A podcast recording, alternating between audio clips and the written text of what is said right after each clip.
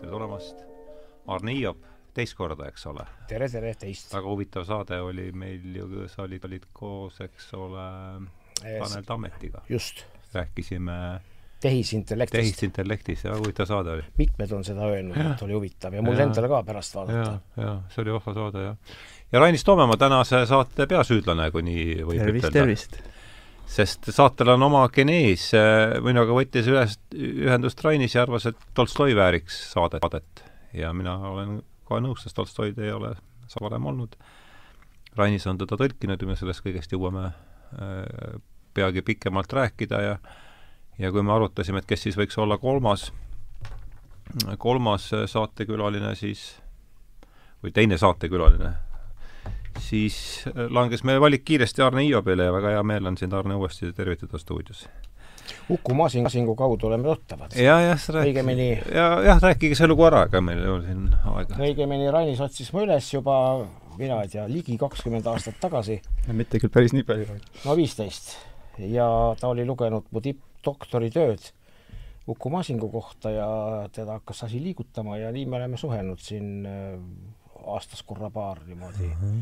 Mõnikord sagedamini, mõnikord vähem ja siis arutelud igasuguseid teemasid. ma arvan endiselt, et see Arne Hiiobi doktoritöö on kindlasti eesti keeles kõige parem, kõige parem käsitlus Uku Masingust senimaani. ma tänan. mm,. meil tuleb Masingust saade nüüd ka tegelikult, et kusjuures meil on üllatus, mida külaliste nimed on veel üllatuseks, aga minu jaoks on väga palju paralleele samuti Uku Masingu ja Ja Tolstoi. Võib arvata, jah. jah, noh, ma juba ütlesin ja, ja niikuinii selles eel, eel, eelreklaamis, mis me välja panime teile, et seal oli ju ka selgelt juttu, et et juttu tuleb Tolstoist ja täna ma seda juba mainisin ja ja ma mõtlesin, et lähtekohaks võiks võtta siis, mis aastal see meil ilmus? üheksakümmend kuus. üheksakümmend kuus jah, Pihtimus, noh, selge see, et m- põhjus väga mõistetav, et Sõda ja rahu ei jõua enne ja poleks jõudnud enne teed seda saadet läbi lugeda, aga Pihtimusega ma sain, lugesin teist korda nüüd ja jõudsin poole peale. ja ühe tsitaadi sealt ma valisin eile, aga mis ma tänase päeva, no see on, sissejuhatuseks lihtsalt võtan siit ühe tsitaadi siis Lev Tolstoi kirjutab aastal kaheksakümmend kaks ja ma vaatasin, et kaheksakümmend kaks oli ta täpselt sama vana kui, kui mina praegu, viiekümne nelja aastane. et see oli ju mulle huvitav avastus. Et kirjutab ta siis, sa ütlesid seitsekümmend üheksa kirjutas ta, kaheksakümmend kaks, kaks kirjutas eessõna või mis seal oli? järelsõna kirjutas kaheksakümmend kaks. Pihtimus ise seitsekümmend üheksa siis ta oli viiekümne ühe aastane. Ma ütlesin endale, et isegi kui ma teaksin kõike, mida teadus nii visalt teada tahab, siis küsimusele, milles on minu elu mõte, ma sel teel ikkagi vastust ei leia. humanitaarteadustega tegeledes aga tõdesin, et sellest hoolimata või just sellepärast, et need teadused otseselt püüavad, püüavad minu küsimusele vastata, pole neil anda teist vastust kui mul endal. mis mõte on minu elul, ei mingit. või mis minu elust välja tuleb, ei midagi. või jälle, miks on kõik olemasolev olemas ja miks olen mina olemas? vastus, sellepärast, et te olete olemas. ühte teadmiste valdkonda küsitledes sain ma lõputu hulga täpseid vastuseid küsimustele, mida ma polnud esitanud. sain teada taevatähtede keemilise koostise, päikese liikumiste Heraklase tähtkuju suhtes, liikide ja inimese tekkeloo, eetri lõpmata väikeste kaalut-, kaalutute osakeste kuju, kuid minu küsimusele, mis on minu elu mõte, oli sel teadmiste valdkonnal üks ainus vastus. Sa oled, sa oled see, mida sa nimetad oma eluks, oled aineosakeste ajutine juhuslik kooslus. Nende osakeste vastastikune toime ning nende muutused kutsuvadki sinus elus, sinu, sinus esile selle, mida sa nimetad oma eluks. mõni aeg püsib see osakeste hulk koos, siis lakkab nende vastastikune toime ja lõpeb see, mida sa nimetad eluks. lõpevad ka kõik sinu küsimised. sa oled mingite osakeste juhuslikult liitunud kämp, see kämp käärib ja seda käärimist nimetab kämp oma eluks. kämp laguneb, käärimine lakkab ja kõik küsimused lakkavad olemast. Nõnda vastavad täppisteadused ning oma põhimõtteid rangelt järgides ei saagi nad midagi muud öelda. no vot, niisugune lõik jäi mul täna meelde, et äh, mis mõtteid teist see lõik ja mis mõtted üldse, ma ei tea, pihtimused või pihtimus Tolstoi lihtsalt annan sõnajärje üle, kas tekitab mingeid, mingi konksu, millega haakuda ette loetud lõik?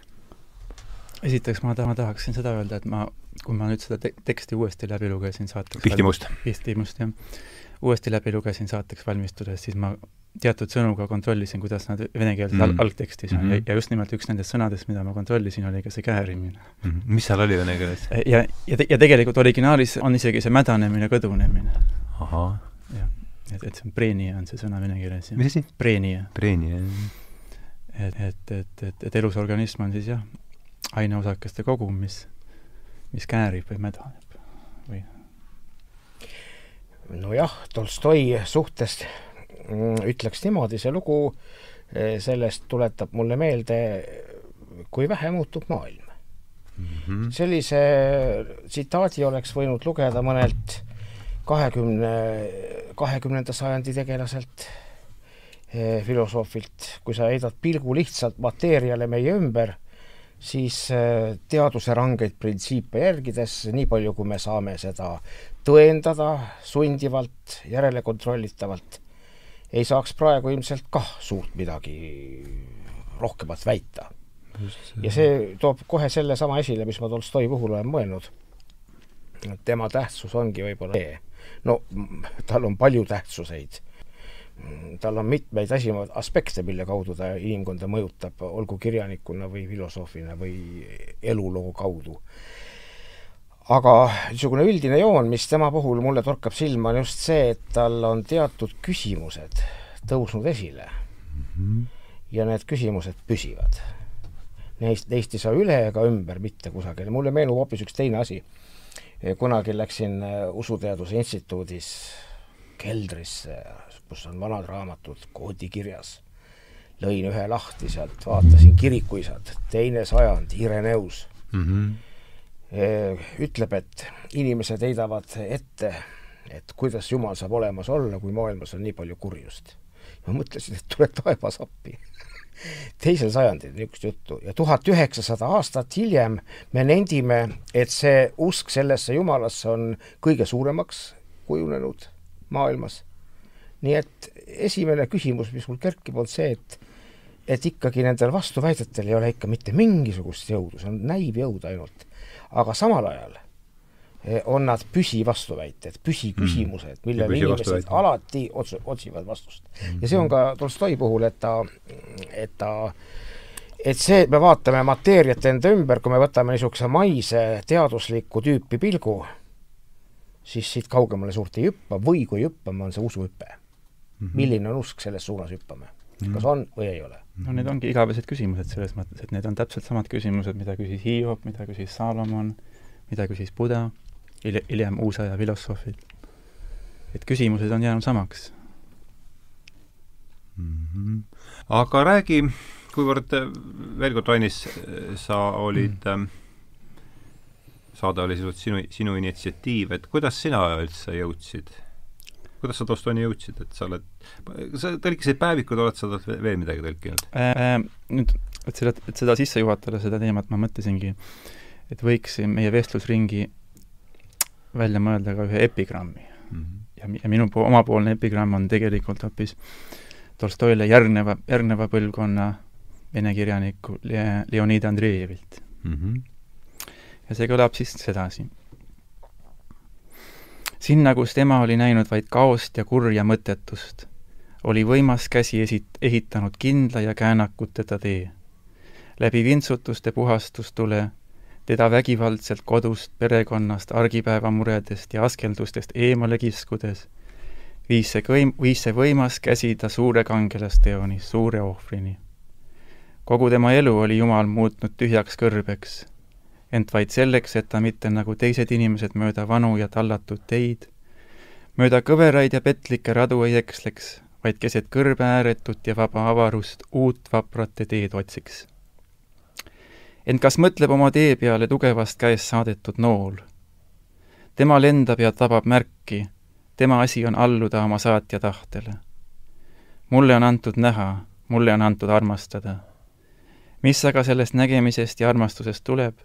See ongi tema püha tahe. minu kangelastegu, minu ohver.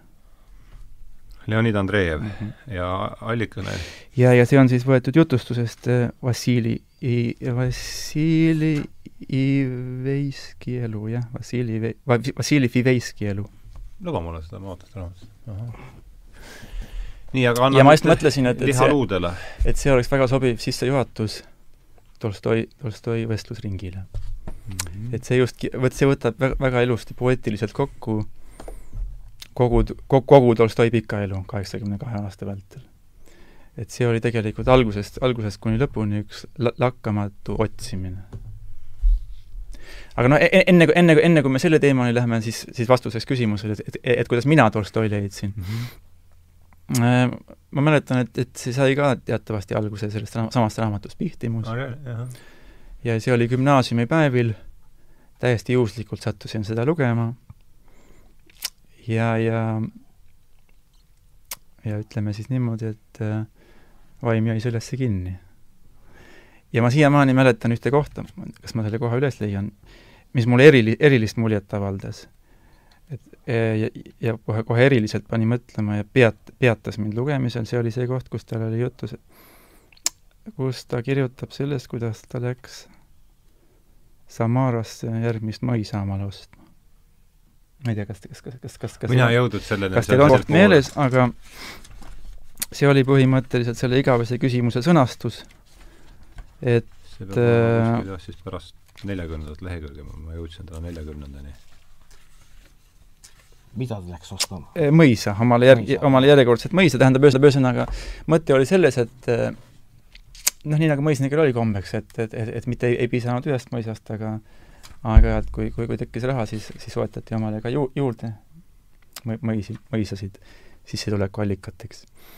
ja, ja siis teel sinna, see, see oligi siis ilmselt veel kuuekümnendate aastate lõpul, seitsmekümnendate alguses just sel ajal, kui ta lõpetas Sõja ja rahu, alustas Anna Kareninat ma küsin kohe vahele, et me räägime sellest peale, millal ta, millal Sõja ja rahu kirjutamise aastad on? Äh, sõja ja rahu kirjutamise aastad on, alustas kuus, tuhat kaheksasada kuuskümmend kolm ja lõpetas kuuskümmend üheksa. nii, vabandust, vabandust. nii, äh, ja, ja siis et siis tal hakkasid, hakkasidki järje, järjest enam pinnale kerkima need küsimused, et, et aga milleks?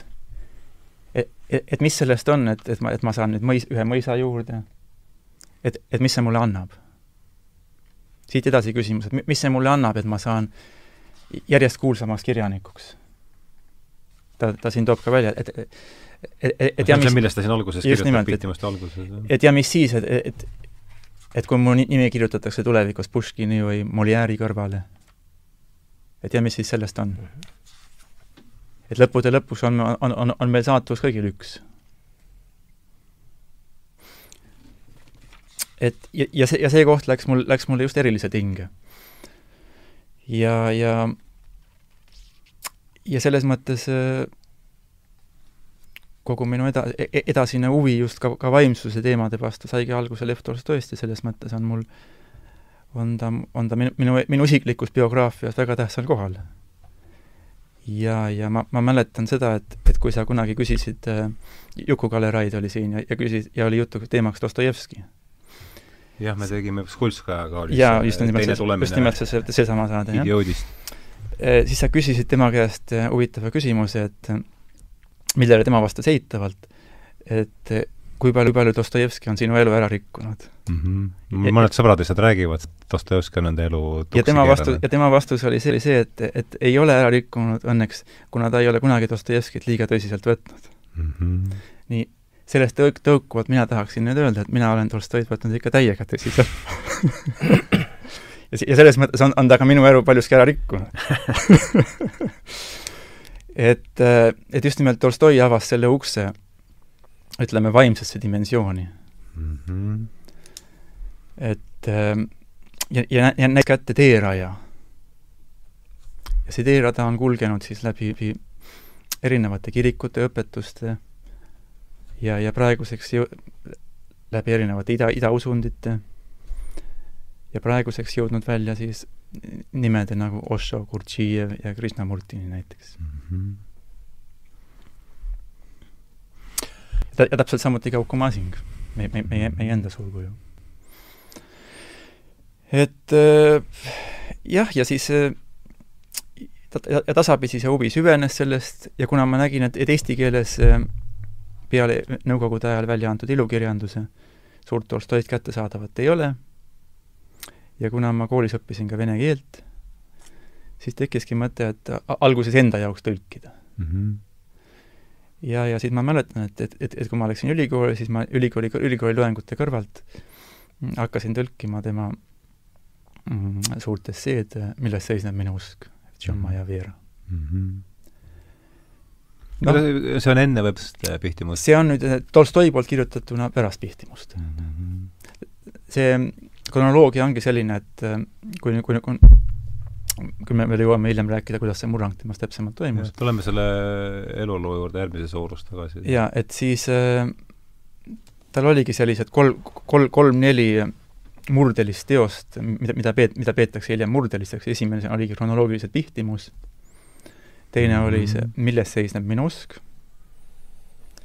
kolmas samaaegselt kirjutatud oli õigeusu, õigeusu jumalasõna kriitika ja neljas oli siis muidugi see kõige mahukam ähm, tema, tema püüd siis äh, uuesti tõlkida kreeka keeles kõik neli evangeeliumi. aa, ta võttis selle asja ja, ka ette, jah? ja ta õppis ka kuigi ta juba ka varem oskas kreeka keelt talle eri, eriliselt avaldas muljet juba, juba ka kuuekümnendatel aastatel näiteks Odüsseus ja Iilias, mida ta luges, armastas lugeda kreeka keeles, originaalkeeles siis just hiljem, hiljem tuli see kreeka keele oskus talle, talle väga palju kasuks ka, ka piibli, piibli, tähendab, mitte, mitte piibli, aga ütleme siis nelja evangeeliumi uuesti tõlkimisel mm. -hmm. ma tahan, enne kui ma nüüd küsin, äh, mul läheb muidu meelest ja ära. ja need neli on siis nii-öelda tema programmilised teosed, et mm -hmm. Millest, millest siis edasi läks, e-, e-, edaspidi ainult, ainult arendus, nendest neljast, neljast, neljast ähm, teosest, Pihtimus, õigeusu teoloogia kriitika ähm,, nel-, nelja evangeeliumi tõlge ja mm, -hmm. ja milles seisneb minu usk. Äh, Nend-, nendest võib siis leida kõikide, kõigi, kõigi tema hilisemate teoste, ütleme, idud või alged ähm enne kui ma küsin Aarnele sama küsimuse, esitan, et kuidas sina oma suhte Tolstoiga paneksid. mis on vene, vot kui, kui me vaatame nüüd ähm, ingliskeelseid piiblitõlkeid see King James Version on see, see nurgakivi, et mis on vene piiblitõlgetes niisugune noh, mis vastaks enam-vähem KGV-le inglise keeles, oskad sa mulle öelda sellele? ei, niisugust võrdlust ma nüüd, ma nüüd vaevalt suudan teha aga venelastel on see üks ka-, kaanonlik piiblitõlge, mida nad kasutavad, see on ikkagi see, mis domineerib. ja, ma seda mõtlesingi. Vene keeles ja sinna juurde on mis aastast see on? see on ikka juba juba jupp aega tagasi. kas see võib olla see, mis inglise keeles selles Bible Gateways on synoidal version või? ikka, ikka. on see sama, jah? peaks olema minu meelest küll, jah. lihtsalt väikese märkusena, kuna ma, ma, kuna ma just selle, selle teemaga kokku puutusin, siis see ongi see esimene, see sinodaalne piibli, piibli esimene sinodaalne tõlge vene keeles on alles aastast tuhat kaheksasada seitsekümmend kuus. aa, no vot, näe. mõni aasta enne, enne Tolstoi tõlget. mis on ka kaheksasada seitsekümmend kuus. mis on ka märgiliselt väga tähtis ja, ja seletab paljuski, miks Tolstoi see, see, selle tohutu töö ette võttis. ja mida on ka ta uur... reageerib siis sellele sinodaalsele versioonile, see on väga huvitav sellest selle... ja, ja, ja, ja, ja uurijate poolt on seda, seda tema, tema evangeeliumi tõlget ka peetud tema kõige suuremaks ja tähtsamaks tööks, selles mõttes, et ta oli kõige, tähendab, kõige, kõige mahukam, aja, aja, aega nõudvam. täiesti võrreldav sõja ja rahu kirjutamisega või, mm. või isegi seda ületav. tähendab, kujutame ette, et, et üks inimene võttis ette, nüüd me teame, kuida-, kuidas meil tõlgitakse Uut Testamenti. terve, terve kolleegium on ja kõik, kõik nii, nagu see ametlikult käib. aga üks inimene mõt-, võttis ette arvestades, arvestades ka seda, et, et millisel tasemel see, see tema kreeka keele oskus võis olla, seda, seda on, on tagantjärele väga raske hinnata. ja võttis ette ja, ja täielikult pühendas ennast sellele, ütleme, paari aasta vältel sai valmis ka need? sai valmis, jah. ah, need on olemas? jah, ja, ja need on ka olemas, aga, ja need on, need on avaldatud tema kogutud teostes, mis Stalini ajal välja anti äh,. Aga vene, vene keeles? Vene keeles, jah. mis on siis kuni sajas köites Tolstoi kogutud teosed äh, vene keeles on sajas et äh, et jah, et see on märgiline tähtsus, et, et see tema piiblitõlge võib, võib paljuski näha, et see oli justkui oma, omamoodi reaktsioon sellele mm. sinodaalsele tõlkele. ja arvestades veel ka seda, et see sinodaalne tõlge ilmus alles tuhat kaheksasada seitsekümmend kuus, tähendab, enne seda oli põhimõtteliselt kogu Venemaa elanikkonnale piibel kättesaamatu. Tähendab, inimesed kuuls-, kuulsid piiblit ainult siis, kui nad läksid kirikusse jumalateenistusele ja siis loeti seda ette ka sellises keeles, slaavi, vana kiriku slaavi keeles, mille kohta on ka paljud tolle aja inimesed öelnud, et et nad ka paljuski sellest aru ei saanud. et see on vägagi, vägagi kõnekas, arvestades seda, millal hakati Euroopas näiteks eh, piibleid rahvuskeeltesse tõlkima mm,. ja, ja muuhulgas ka huvitava märkusena, et ka Eesti, mis oli Tsaari-Venemaa osa ju, meie e-, eesti, eestikeelne piibel ilmus ju ikka tunduvalt, sadu aastaid varem kui, kui kui siis venekeelne si-. tuletame selle veel ka meelde, millal on esimene? tuhat seitsesada kolmkümmend üheksa. tuhat seitsesada kolmkümmend üheksa. kas see on mõlemad see olid mõlemad, jah. ja see oli ka mõlemad, see, see seitsmekümne kuuenda aasta sinodaalne tõlge mm. -hmm. sest Uue Testamendi e esimene tõlge vene keeles oli kuskil tuhande kaheksasaja kolmekümnendatel või midagi niimoodi mm. -hmm nii, aga palun, see oli nüüd see vaheküsimus selle venekeelsete piiblitõlgetega, mis oli, andis mm -hmm. huvitava niidi otsa, mida me sikutame kindlasti edasi, aga räägi palun oma Tolstoi ja sina. mina? Ehm, minu suhe Tolstoiga no ütleme, koolis oli niisugune pika habemega vanamees, eks ole no,, koolis vaadata ja, ja torkab silma juba sellega ja siis kõik need lood, mismoodi ükskord teda ei olnud kusagile teatrietendusele, kus ta läks oma näidendit vist vaatama, sisse lastud, et mine sa talupoeg minema. ja siis ta oli jäänud sinna istuma, siis kuni ta keegi sinna sisse laskus ja niisugused, no seda tüüpi lood jäävad meelde. aga minule ta tuli, ütleme, konkreetsemalt käsitluse alla mitte väga palju, sa oled, Rainis, ikka kordades rohkem sellega tegelenud, seoses sellega, et ma kirjutasin raamatu Vene religiooni filosoofia lühiülevaade. selle ma lugesin läbi kusjuures. no vot, Ardo Pajul on lugenud, ma ei tea, kas Ahto Lobjakas ka lugenud, ma talle kinkisin, võib-olla on. ja selles raames, mida ma, see on üks ainus, enda, mu enda ainus raamat, ma üh, ühte tuntud nime veel viitan, et Andres Uibo on see, kes seda kangesti kiidab. ja ma sellepärast eh, olen seda, seda, seda noh, väidan seda niimoodi, et eh, kui hea mingi raamat on, jäägu lugeja otsustada, ma ei tea, kui hea see on. aga ma väidan, eestlane võiks teada vene mõttest palju rohkem, meil on vahel siin ja seal väga primitiivne pilt venelastest ja Venemaast ja, ja see kahandab meie mõistmisvõimet. ja ma loodan, olen lootnud, et niisuguse raamatuga võib, on võinud seda natukene, seda meie pilti venelasest avardada ja selle raames tuli ka vaatluse alla Tolstoi. ei saa üle ega ümber, eks ei ole? ei saa üle ega ümber. ja ütleme, vene religioosne filosoofia, noh, mis asja selle all mõista täpsemalt, sellega võib minna üsna kaugele tagasi aga, aga põhiliselt, mis hakkab, ütleme, kulgema, on ikkagi üheksateistkümnes sajand ja üheksateistkümnendal sajandil eh, niisugused nimed eh, just religioosse filosoofia puhul nagu Aleksei Homjakov või Ivan Kire-, Kirejevski neid lugedes on äh, täiesti selge, et nad on saksa Ivan Kirjevski, jah. Kirjevski just oligi Berliinis, käis, kuulas Hegelit, Schleiermacherit ja teisi Euroopa ja maailma tippusid tookord. ja Homjakov oli rohkem iseõppija, nii et Saksa tolleaegne tarkus levis päris jõudsalt Venemaale, nii nagu Peeter Esimene oli seda üldkultuuriliselt äh, käivitanud nii äh, igasugused muudki aspektid avaldusid äh, ja niisugune autor nagu Nikolai Danilevski, kelle raamat äh, Venemaa ja Euroopa on eesti keeles ja Jaan Isotam tõlkis, siis seda lugedes ja kõiki neid asju vaadates tekib üks seos Oswald Spengleriga. ja, ja isegi kerge hüpotees kerge hüpoteesi võiks püstitada, kui palju Spengler oli mõjutatud Danilevskist, sest mm -hmm. vene filosoof äh, äh, Gustav Spet, kes oli vahepeal välismaal, käis Spengleri juures kodus ja nägi seal venekeelset seda teost, Danilevski teost. nii et mine tea, äkki Spengler võtab natukene vene, vene taustast endale ja see täiesti võib nii olla. samas pole siis midagi imestada, et see saksa taust ka Venemaale tungib, ka Tolstoi juurde jõuab e-, euroopalik haridus ja kõik see.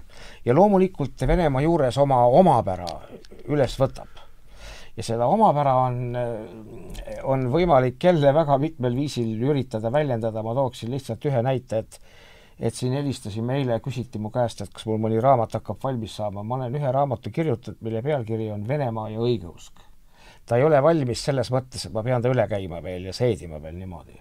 aga sellega tegeldes tuli jälle igasuguseid huvitavaid aspekte välja.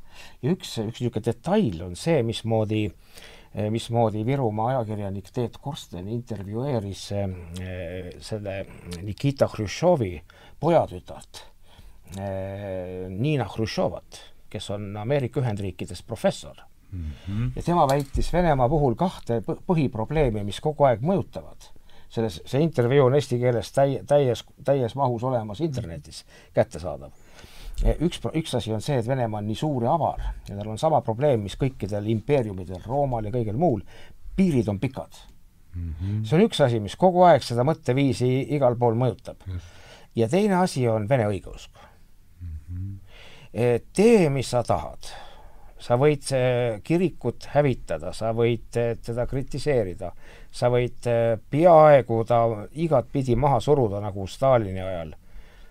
lõpuks kui Nõukogude Liit langes ja juba varemgi, oli Vene kirik tõusis, ortodoksia levis ja kui kolmekümnendatel aastatel keegi eh, Tšehhi kommunist käis Venemaal ringi siis ta oma muljetes ütleb, et et venelased on sügavalt religioosne rahvas.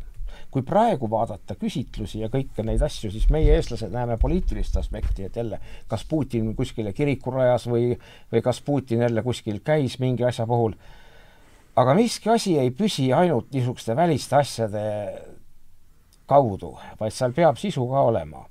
Ja see on jälle üks Tolstoi puhul niisugune küsimus, interpreteerib, kritiseerib või mida tema teeb.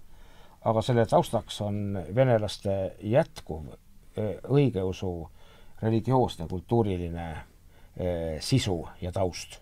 See on ikka see, ühendav, see on ikka see ühendkumm, mis see on ühendav lugu, mille taustal kõik käib, näiteks ütleme, on öeldud Tolstoi puhul, et, et need, kes on Tolstoid kritiseerinud, et ta ütles Jeesus, kui ta käsitles piiblit, et ta ütles Jeesus, aga mõtles Marxi mm. -hmm. näiteks et, et noh, et, et ta tegelikult ei saanud ise ka aru, kui suur kommunist ta juba oli.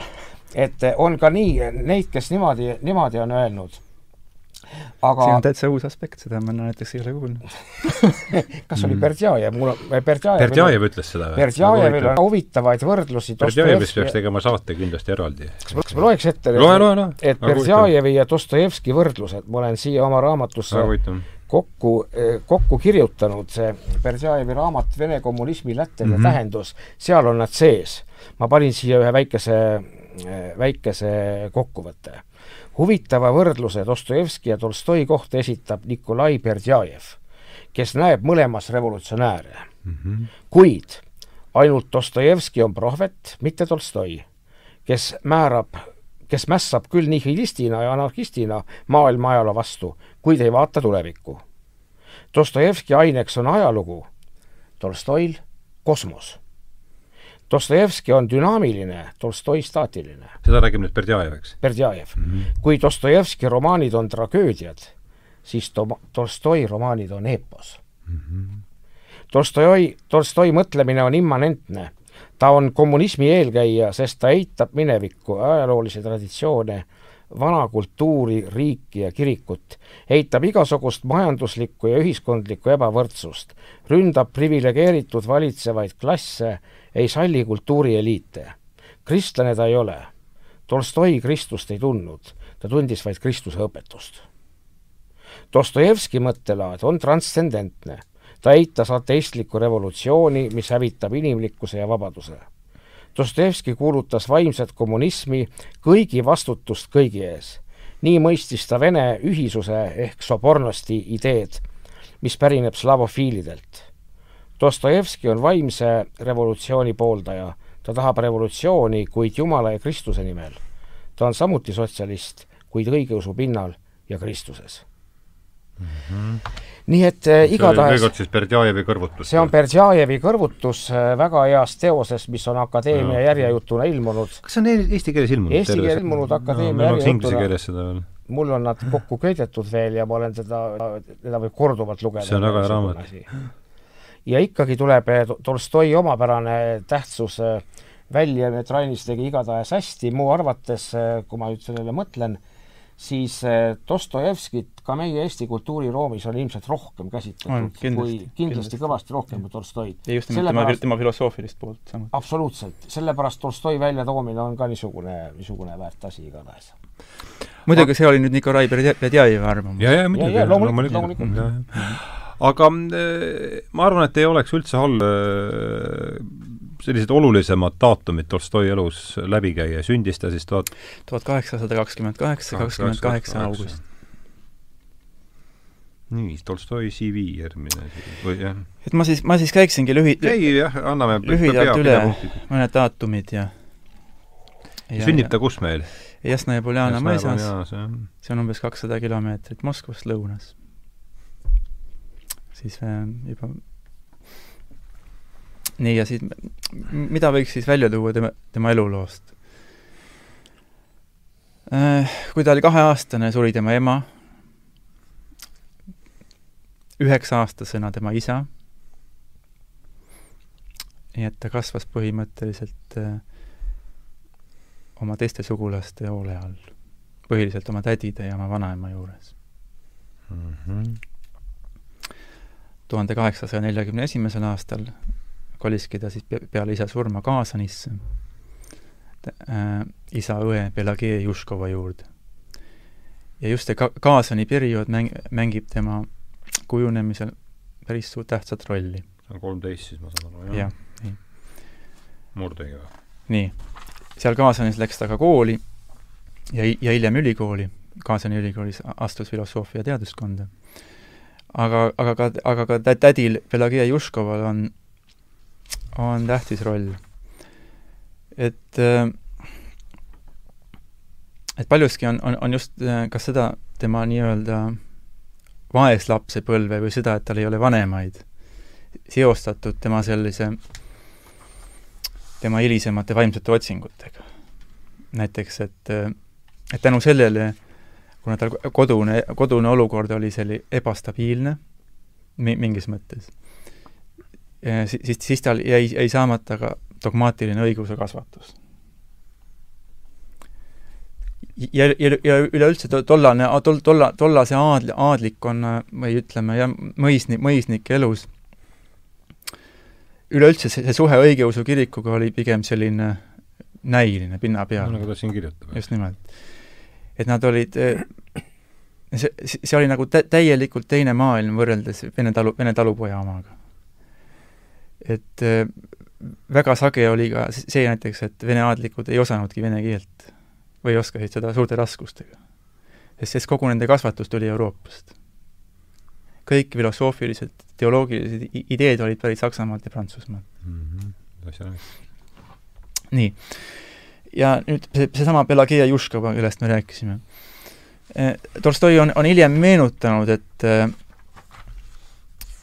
et olles sel-, et olles sellise religiooni kauge inimesena, ta, tema kuulus samuti kõrgseltskonda, see religioon oli selline justkui selline noh, peenutsemine, selline kom-, kombe täitmine, eri, erilist tähtsust ta, ta, ta ei omand-, ei omistanud õigeusu kirikule. niisugune kroonuvärk siis rohkem? kroonuvärk, jah mm. -hmm. aga sellest hoolimata oli, oli ta väga, väga hea ja lahke südamega ja näiteks armastas, armastas külastada kloostreid ja, ja en, enda juures kaasanis võõrustada äh, strannikuid ja juuroodivaid mm. -hmm. Need on siis vene, vene, vene traditsioonis väga, väga tähtsad, väga tähtsal kohal. ei teeks paha ilmselt seda strannik ühesõnaga ongi avada jah, siin, et ma isegi, eh, siin antud, antud tõlkes, tõlkes, Pihtimuse tõlkes, Ants, Ants Luige tõlkes, tema kasutab sõna lihtsalt rändurid.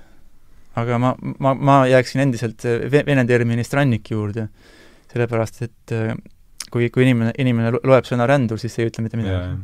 mis, mis rändurid aga, aga tegemist oli siis ütleme, kas vanausuliste või teatud, teatavate sektantide esindajatega, kes olid täielikult loobunud maailmast, sellest maailmast. ja olid, olid võtnud omaks kodutu eluviisi.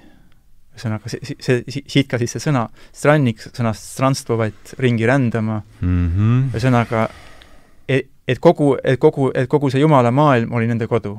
Et neil ei olnud ilmaliku, ilmalikus mõtteline aadressi ei olnud, nii nagu mm, -hmm.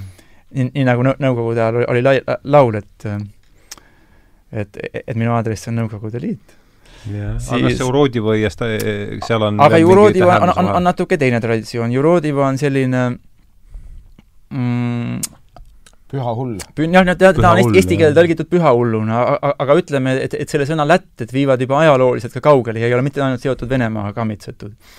Vaid näiteks selle traditsiooni eelkäija või, või näiteks leida Vana-Kreeka küünikute hulgast, kusjuures kusjuures ka see sõna küün, küünos tähendab kreeka keeles ju koera mm. -hmm. et tähendab, nad võtsid samuti omaks kodutu või sellise noh, hulkuva koera eluviisi tä-, täielikult vilistades sotsiaalsetele normidele ja võtsid omaks asotsiaalse eluviisi, ütleme.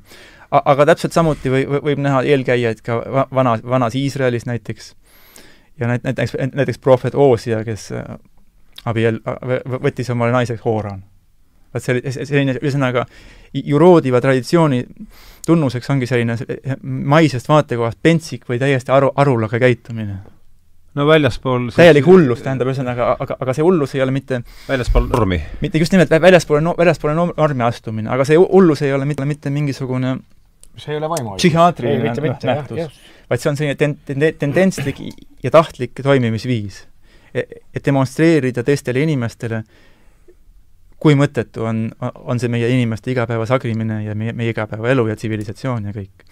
aga, aga erilise, erilise kandepinna saavutas ta Venemaal ja näiteks ka Ivan Groznõi ajal on, on teada juhtumeid, kus siis juroodivad julgesid hirmuvalitseja Ivan Groznõile näiteks noh, teda, teda avalikult süüdistada, ilma et nendega midagi juhtuks, sest nendel oli ühiskonnas selline positsioon, et et nad olid samas ka puutumatud mm. -hmm. et kuna nad olid välja astunud ühiskonna normidest, võtnud omaks asotsiaalse eluviisi, siis see tagas nendele ka, ka valitsejate silmis teatava puutumatus mm. -hmm. et nad ongi nagu hullud või sellised ullikesed või või koht, kohtlased või see on selles mõttes päris hea tänapäeva mõttes vastane või vastaja no vot, ja siis nende nii, aga lähme edasi, et ta meeldis neid ja siis nende, ja, ja, ja siis esimesed kokku, kokkupuuted just äh, seda tüüpi inimestega toimusidki. Tal Kaasanis, just seal tädi Pelagia Juškova juures. Ja, ja, ja neid on ta, on ta kirjeldanud ka oma esimeses äh, tähtsamas teoses Lapsepõlv. Mm, -hmm. mida ta siis kirjutas viiekümne esimesel kuni viiekümne teisel aastal. Ja seal, ja sealt ta toob välja näiteks äh, sellisest ranniku Grisha kuju, kes, kes käis siis ringi ja kolistas oma, ta kandis palja keha peal kette ja ahelaid ja siis käi-, käis öösiti ringi ja kolistas niiviisi. mul tuleb lihtsalt äh, eelmise saatega link, meil oli Andres Past eelmine saade, mul tuleb meelde, Vanapa rääkis mulle ja see on tema versioon muidugi, just nagu see lapsepõlv mm -hmm. tuletas mulle meelde selle loo, et et Tolstoi kirjutas kõigepealt lapsepõlv ja poisiiga ja siis siis oli noorus ja see vanapa versioon ja see, ta hakkas noorus kirjutama ja ütles, et tead, juba teisel leheküljel enam, enam edasi ei kirjuta, et lihtsalt piinlik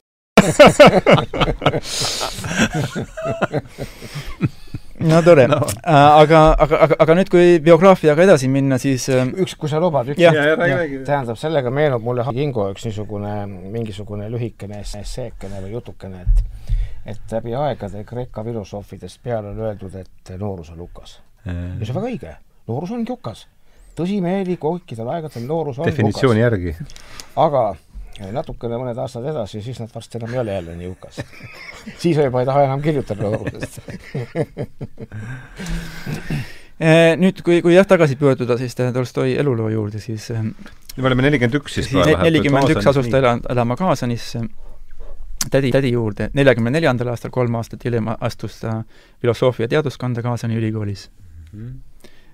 paraku jäi see tal lõpetamata ja see on nüüd jär-, järjekordne näide tema sellisest äh, igavesest otsimisest, mis sai juba alguse lapsepõlves, ütleme jah, üt-, ütleme, et ne-, et, et neid juuri võibki näha isegi äh,, tooksin siin veel, veel kiire, kiire sellise vahelepõikena välja, et äh, mida ta on hiljem väga tähtsaks oma, oma elus pidanud, nad, nad kasvasid äh, seal mõisas, Jasna-Napoleana mõisas veel kolme vennaga. Mm.. Ka, ka, venna surm oli, eks kaks venna, jah, sinna me ka jõuame. Nikolai Dmitri, tähendab, tema oli neljas nel,, nel, neljas vend ja neil oli veel ka õde, kes oli siis, tähendab, ühesõnaga viis last oli perekonnas mm. -hmm. ja, ja neli venda oli siis tema Lev, kõige vanem oli Nikolai, siis olid Dmitri ja Sergei mm. -hmm. ja Nikolai oli selline noh, nii, nii nagu laste puhul ikkagi, võttis sellise vanema liidri positsiooni ja hiljem ta on, on, on meenutanud kui sellist ühte hä kõige härdamat või sellist tähendusrikkamat seika oma kujunemisloos, just nimelt selle Nikolai poolt jutustatud või ütleme, välja mõeldud jutustust rohelisest kepikesest. see, see Ljona ja Palotška. ja, ja, ja, ja see legend oli siis selline, et et Nikolai ise jutustas seda oma noorematele vendadele, et temal on nüüd õnnestunud teada saada õnnesaladus. saladus, mis on võimelised, võimeline tegema kogu inimkonna õnnelikuks ja kaotama kõik hädad ja kogu viletsuse mm. -hmm. ja et selle, et, et see, et selle saladuse on, on ta kirjutanud rohelisele kepikesele. ja, ja selle kepikese ma-, matnud maha kuskile mõisa lähedale metsa mm. -hmm. ja ja mingis, mingil määral võikski öelda, et kogu, kogu Lev Tolstoi hilisem elu ongi, oligi selle rohelise kepikese taga otsimine mm. -hmm. et mi-, et, et mis oleks, et, mis on see, mis, mis ütleme siis, kui, kui, kui, kui kasutada piibellikke väljendeid, siis mil viisil oleks võimalik tuua Jumala riik maa peale? see ongi, oli kogu Tolstoi elu leitmotiiviks mm. -hmm. lihtsalt, lihtsalt sellise vahelepõikena.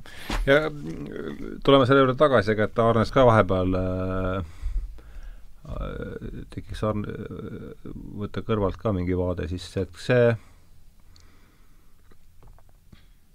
huvitav kujund selles mõttes, et rohelise kepik, rohe, rohelise kepikese otsing, otsing, et kuidas äh,, ütle paar sõna sellega sekka võib-olla, et saaks ei, nagu polüfoonilisemaks selle asja. absoluutselt. ja ütleme jah, see, see on, see on tema puhul üsna tabav, mis sa ütled.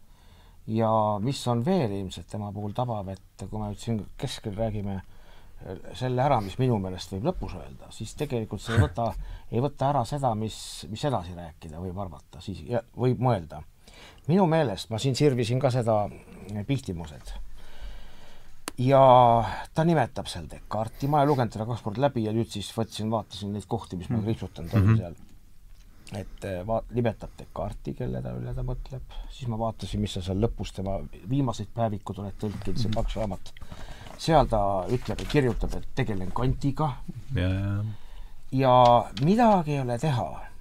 ta on äh, koolituse poolest ja mõtteviisi poolest lääne mõtleja Venemaal. selgelt, jah. ja teda, teda on ka tegelikult nimetatud Venemaa Luteriks näiteks. ah soo? noh Venemaa enda ortodoksete mõtlejate poolt. no vot, see on nüüd selline aspekt e, ma ühte asja, ühte asja tooksin välja ortodoksi kiriku puhul, mida, mida tihtipeale ei jagata ortodoksi kirik on algusest lõpuni, algusest peale muutumatu. tema enda mm -hmm. kontseptsiooni kohaselt. okei okay,, ja siis on, kõik on luterid, kes seal ja kõik on luterid, kes tulevad ja seda mingil moel hakkavad niimoodi kangutama mm. -hmm. niimoodi ka Tolstoi. et miks see on oluline, ma praegu üldse ei küsi, kas, kellel õigus on mm, -hmm. vaid et seesama lugu, et, et Niina Hruštšova ütleb, et, et Venemaa ja õigeusk, eks ole, et see, et see joon tuleb ja nende argument on, on kogu aeg on olnud alati see ortodoksidel, et teie, läänlased, olete algusest peale, hakkame pihta ladina kirikuisadest, olete hakanud võtma niisuguseid motiive sisse, mis on hakanud muutma meie e, e, Kreeka mõttemaailma ja selle pinnal oleme jätnud samaks mm. -hmm. ja see lugu tuleb edasi ja kui Tolstoi otsib seda kepikest, siis tuleb arvestada, et tal on taust ja keskkond on ortodoksne ta ütleb oma, et tema aadlike seas ei ole ortodoks, tõsiseid ortodokse nii palju ja räägivad prantsuse keelt ja muid keeli. aga see, kogu see ühiskond oli ortodoksne mm -hmm. ja samal ajal tema täiesti läänelik mm. -hmm. nii et see moment, et ta otsis seda kepikest eluaeg, see on täiesti selge ütle palun see intervjuu, üks hetk, kui me läheme selle juurde kohe tagasi, et äh, sa, see intervjuu Niina Hruštšova, kes see tegi selle? Teet Korsten. Teet Korsten. Lääne Elu, ajalehes Lääne Elu, see oli viis aastat tagasi, kaks tuhat viisteist minu meelest. ahah, Lääne Elu, jah. ta käis siin, see Hruštšova.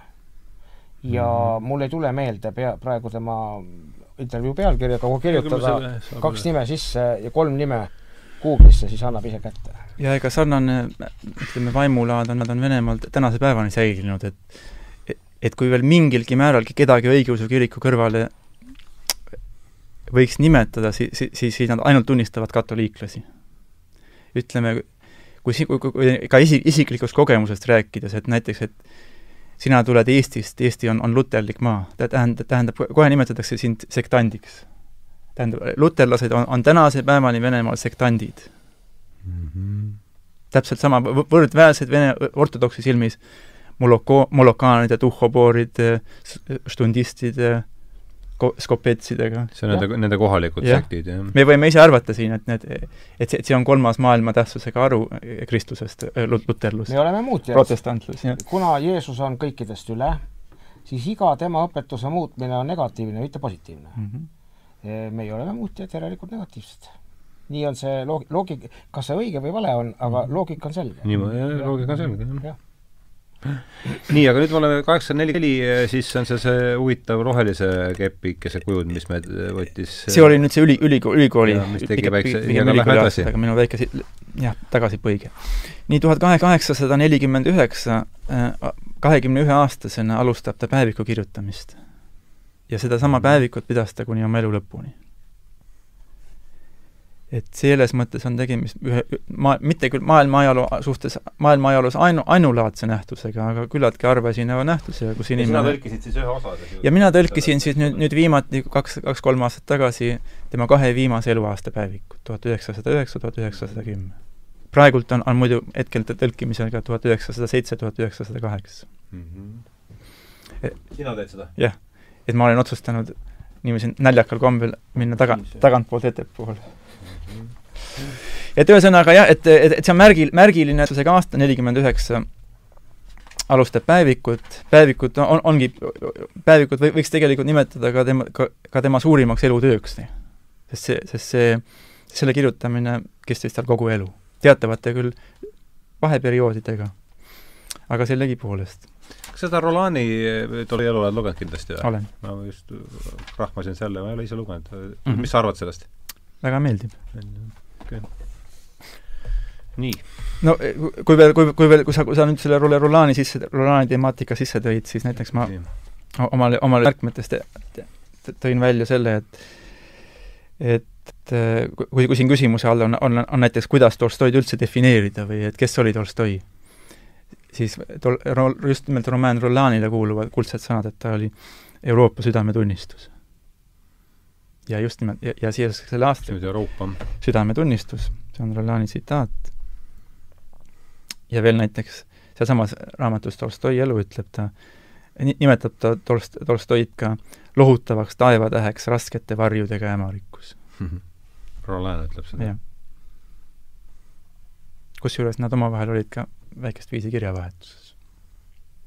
Roland oli, oli sel ajal noor, noormees alles, ülikoolis õppis Tolstoi oli juba elu lõpukünnisel. aga, aga nüüd, aga nüüd, aga nüüd äh, kronoloogia juurde tagasi minnes, et äh, jah, ja, ja, ja, ja oma päevikut alustabki ta siis äh, programmiliste sissekirjetega nagu elureeglid, üldse kogu, kogu elu vältel oli Tolstoile iseloomulik äh, äh, püüd täi-, ennast täi-, täiendada, täiustada. ega ka, ka selles Pihtimuse raamatus ta toob välja, et et, et isegi siis, kui, kui, kui, kui ta juba kooli ajal ja ülikoolis minetas usu õigeusu, õigeusu traditsiooni mm, -hmm. et siis ikkagi talle jäi hinge või ütleme, kuskile mõistuse tagasoppi või südame tagasoppi selline alateadlik püüd ennast täiustada, ennast täiendada, ükskõik millest siis, vaata, algselt noored, noore Tolstoi puhul nägi see välja ka see, kas praktilistes, praktilistes väljundites, näiteks näiteks püüdis ta võimalikult hästi omandada ajalugu, geograafiat, keeli, mul oleks niisugune ettepanek, Randis, kas me saaksime, käime selle eluloo niimoodi mm, -hmm. paneme mingid põhidaatumid mm, -hmm. ärme sellest, muidu me jääme mm -hmm. seda niimoodi järjest, siis ei, oleks hea seda kolmekõnet rohkem, et pane kaheksasada nelikümmend üheksa, võtame nüüd nelikümmend üheksa alustab päevikuga. siis me saame sellega kolmekõne juurde. nii äh,, tuhat kaheksasada sada viiskümmend üks alustab oma esimest tähtsamat teost Lapsepõlv mm, -hmm. millele järgnevad äh, poisiga, poisipõlv ja noorus. Samal ajal äh, ta, tal jäi lõpetamata ka kõrgkool, nagu ma juba mainisin, just nimelt oma sellise otsiva vaimu tõttu. ja, ja järgmiseks näe-, näe, näeb ta oma tegevusväljana sõjaväge ja ta otsustab minna Kaukaasiasse sõdima tšetšeenidega vabatahtlikuna. Seejärel võtab sealt on see kasakad, eks just ole? just nimelt, seal ka, sa, sa, sa oled seda, Aar, oled sa lugenud? ei lugenud Kaukaas, seda kasakaid ei ole, aga, aga jah, saan aru, ole, tema eluloost olen kuulnud seda, jah mm. -hmm. või ka hilisem teos, näiteks Hachimurat, täpselt samamoodi ka Kauka-. no see oli tol ajal, see Lermontovil oli see Kaukaasia teema ja, ja see ja. tuli Venemaa Kaukaasia teema oli väga üleval sest siis oli see Tšetšeenia see oli üks põhirindeid siis tol ajal, ma kujutan ette. jah, ja Krimmi sõda oli ukse ees tuhat kaheksasada viiskümmend kolm. just, järgneski Krimmi sõda, kus, kus samuti Tolstoi osa võtab mm. -hmm. ta on Krimmi sõjas ka, mis auastmes ta vot seda ma ei oskagi täpselt nüüd öelda. siin ma jään vastuse peale. aga ühesõnaga, Krimmi sõda oli, oli tema elus ka märgilise tähendusega, et ta puutus kokku siis sõjaõudustega ja siit või ja see on juba korralik pusimine seal. ja siin, ja, ja näiteks tuhande kaheksasaja viiekümne seitsmendal aastal ongi ta päevikus kirjutanud, et sedasi, maksab inimesele vaid munder selga anda, eraldada ta perekonnast ja taguda trummi, et teha temast metselajas mm. -hmm. et juba küllaltki noores eas, keset seda sõda, võitluskeerist, on tema puhul märgata selline patsifistlik ja vägivalda eitav ja paljuski ka kristlik, kristli-, tähendab ikkagi selline ala, alateadlikult kristlik lähenemine. nii, ja siis äh, sõjast naasnuna viiekümne seitsmendal aastal sõidab ta esimest korda Euroopasse mm,. esimest korda. teine Euroopa reis on kuuekümnendal aastal. kus ta käib? põhiliselt Saksamaal, Prantsusmaal ja seal näiteks ta Pra-, Prantsusmaal Pariisis eh, on ta tunnistajaks ka surmaotsuse täideviimisele. jaa, seda, seda, siin, seda jah ja, ja., siin on eh, see venna, jah, räägi. ja, ja just nimelt, et eh, temast avaldas väga, väga sügavat muljet see, näha, näha, kuidas kõrge Euroopa tsivilisatsioon, mida ka Venemaal peeti ikkagi noh, Venemaast, Venemaal, Venemaast kõrgemal järgul olevaks, ühesõnaga aadelkonna poolt, kuna aadel, aadelkonna haridus oli euroopalik, siis Euroopa oli alati eeskujuks. nii, ja nüüd siis kõrge, kõige kõrgema tsivilisatsiooni astme juures oleval Prantsusmaal, kus inimestel on kõik vabadused ja see oli juba see aeg, kui Prantsuse revolutsioon oli toimunud. kõik vab-, räägitakse vendlusest, võrdsusest, vabadusest, ja siis ühtäkki endist viisi pannakse ametlikult seaduse tasandil toime kõige rõhk, kõige jõhkram mõrtsuka töö. ja, ja siis, ja, ja teda kohutavalt šokeeris näha pealt, kuidas inimesel pead maha raiuti giljotiiniga. no see haakub ju väga selle, sellesamuse kuulsa episoodiga Idioodi algusest ja seesama, kuidas mm -hmm. tuleb äh, Mõškin, Mõškin tagasi surmanuhtluse probleem on olnud edaspidigi, Kerenski ju kaotas ära vahepeal, enne kui kommunistid taastasid. ja, ja, ja. ja see küsimus ju siiamaani on, et äh, aeg-ajalt kerkib, et äh, ühest küljest nagu kõige räigemaid kuritusi, kurjategijaid tuleks nagu ikkagi niimoodi ära kaotada, aga kes seda teeb ja võidakse eksida ja probleem on siiamaani. aga noh, üldiselt ollakse siis surmanuhtlusest lahti saadud läänes, kuigi et võib-olla ka nii ja naa. ka hiline Tolstoi küsib juba, juba palju-palju aasta, aastakümneid hiljem, et et, et kui möönda surmanuhtluse võimalikkust, siis kes on see instants või kes on see inimene, ke-, kellel on, on õigus teist inimest tappa? kes on see inimene? miks, miks on, kust võtab kohtunik, nüüd tähendab kaudselt ja, ja, ja timukas mõrtsuka töö otsene ellu viia, selle õiguse selline, selline tegu toime panna? ilma et, et ta ise muutuks mõrtsukaks. ja, ja oma hilisemas töös äh,, mille ma tõlkisin juba, juba, juba päris palju, mitu aastat tagasi, Jumala riik on teie sees mm, -hmm. mis ongi pühendatud vägivalla teemale. riigi, riigi, tähendab ühesõnaga, eh, riigi ja vägivalla kokkusobimatuse temaatikale kristlusega. Siis, siis seal ta toobki välja selle ütle palun see teos veel. Eh, riik on teie sees mm. -hmm. see on eesti keeles välja antud üks viis-kuus aastat tagasi. läbi müüdud üldiselt?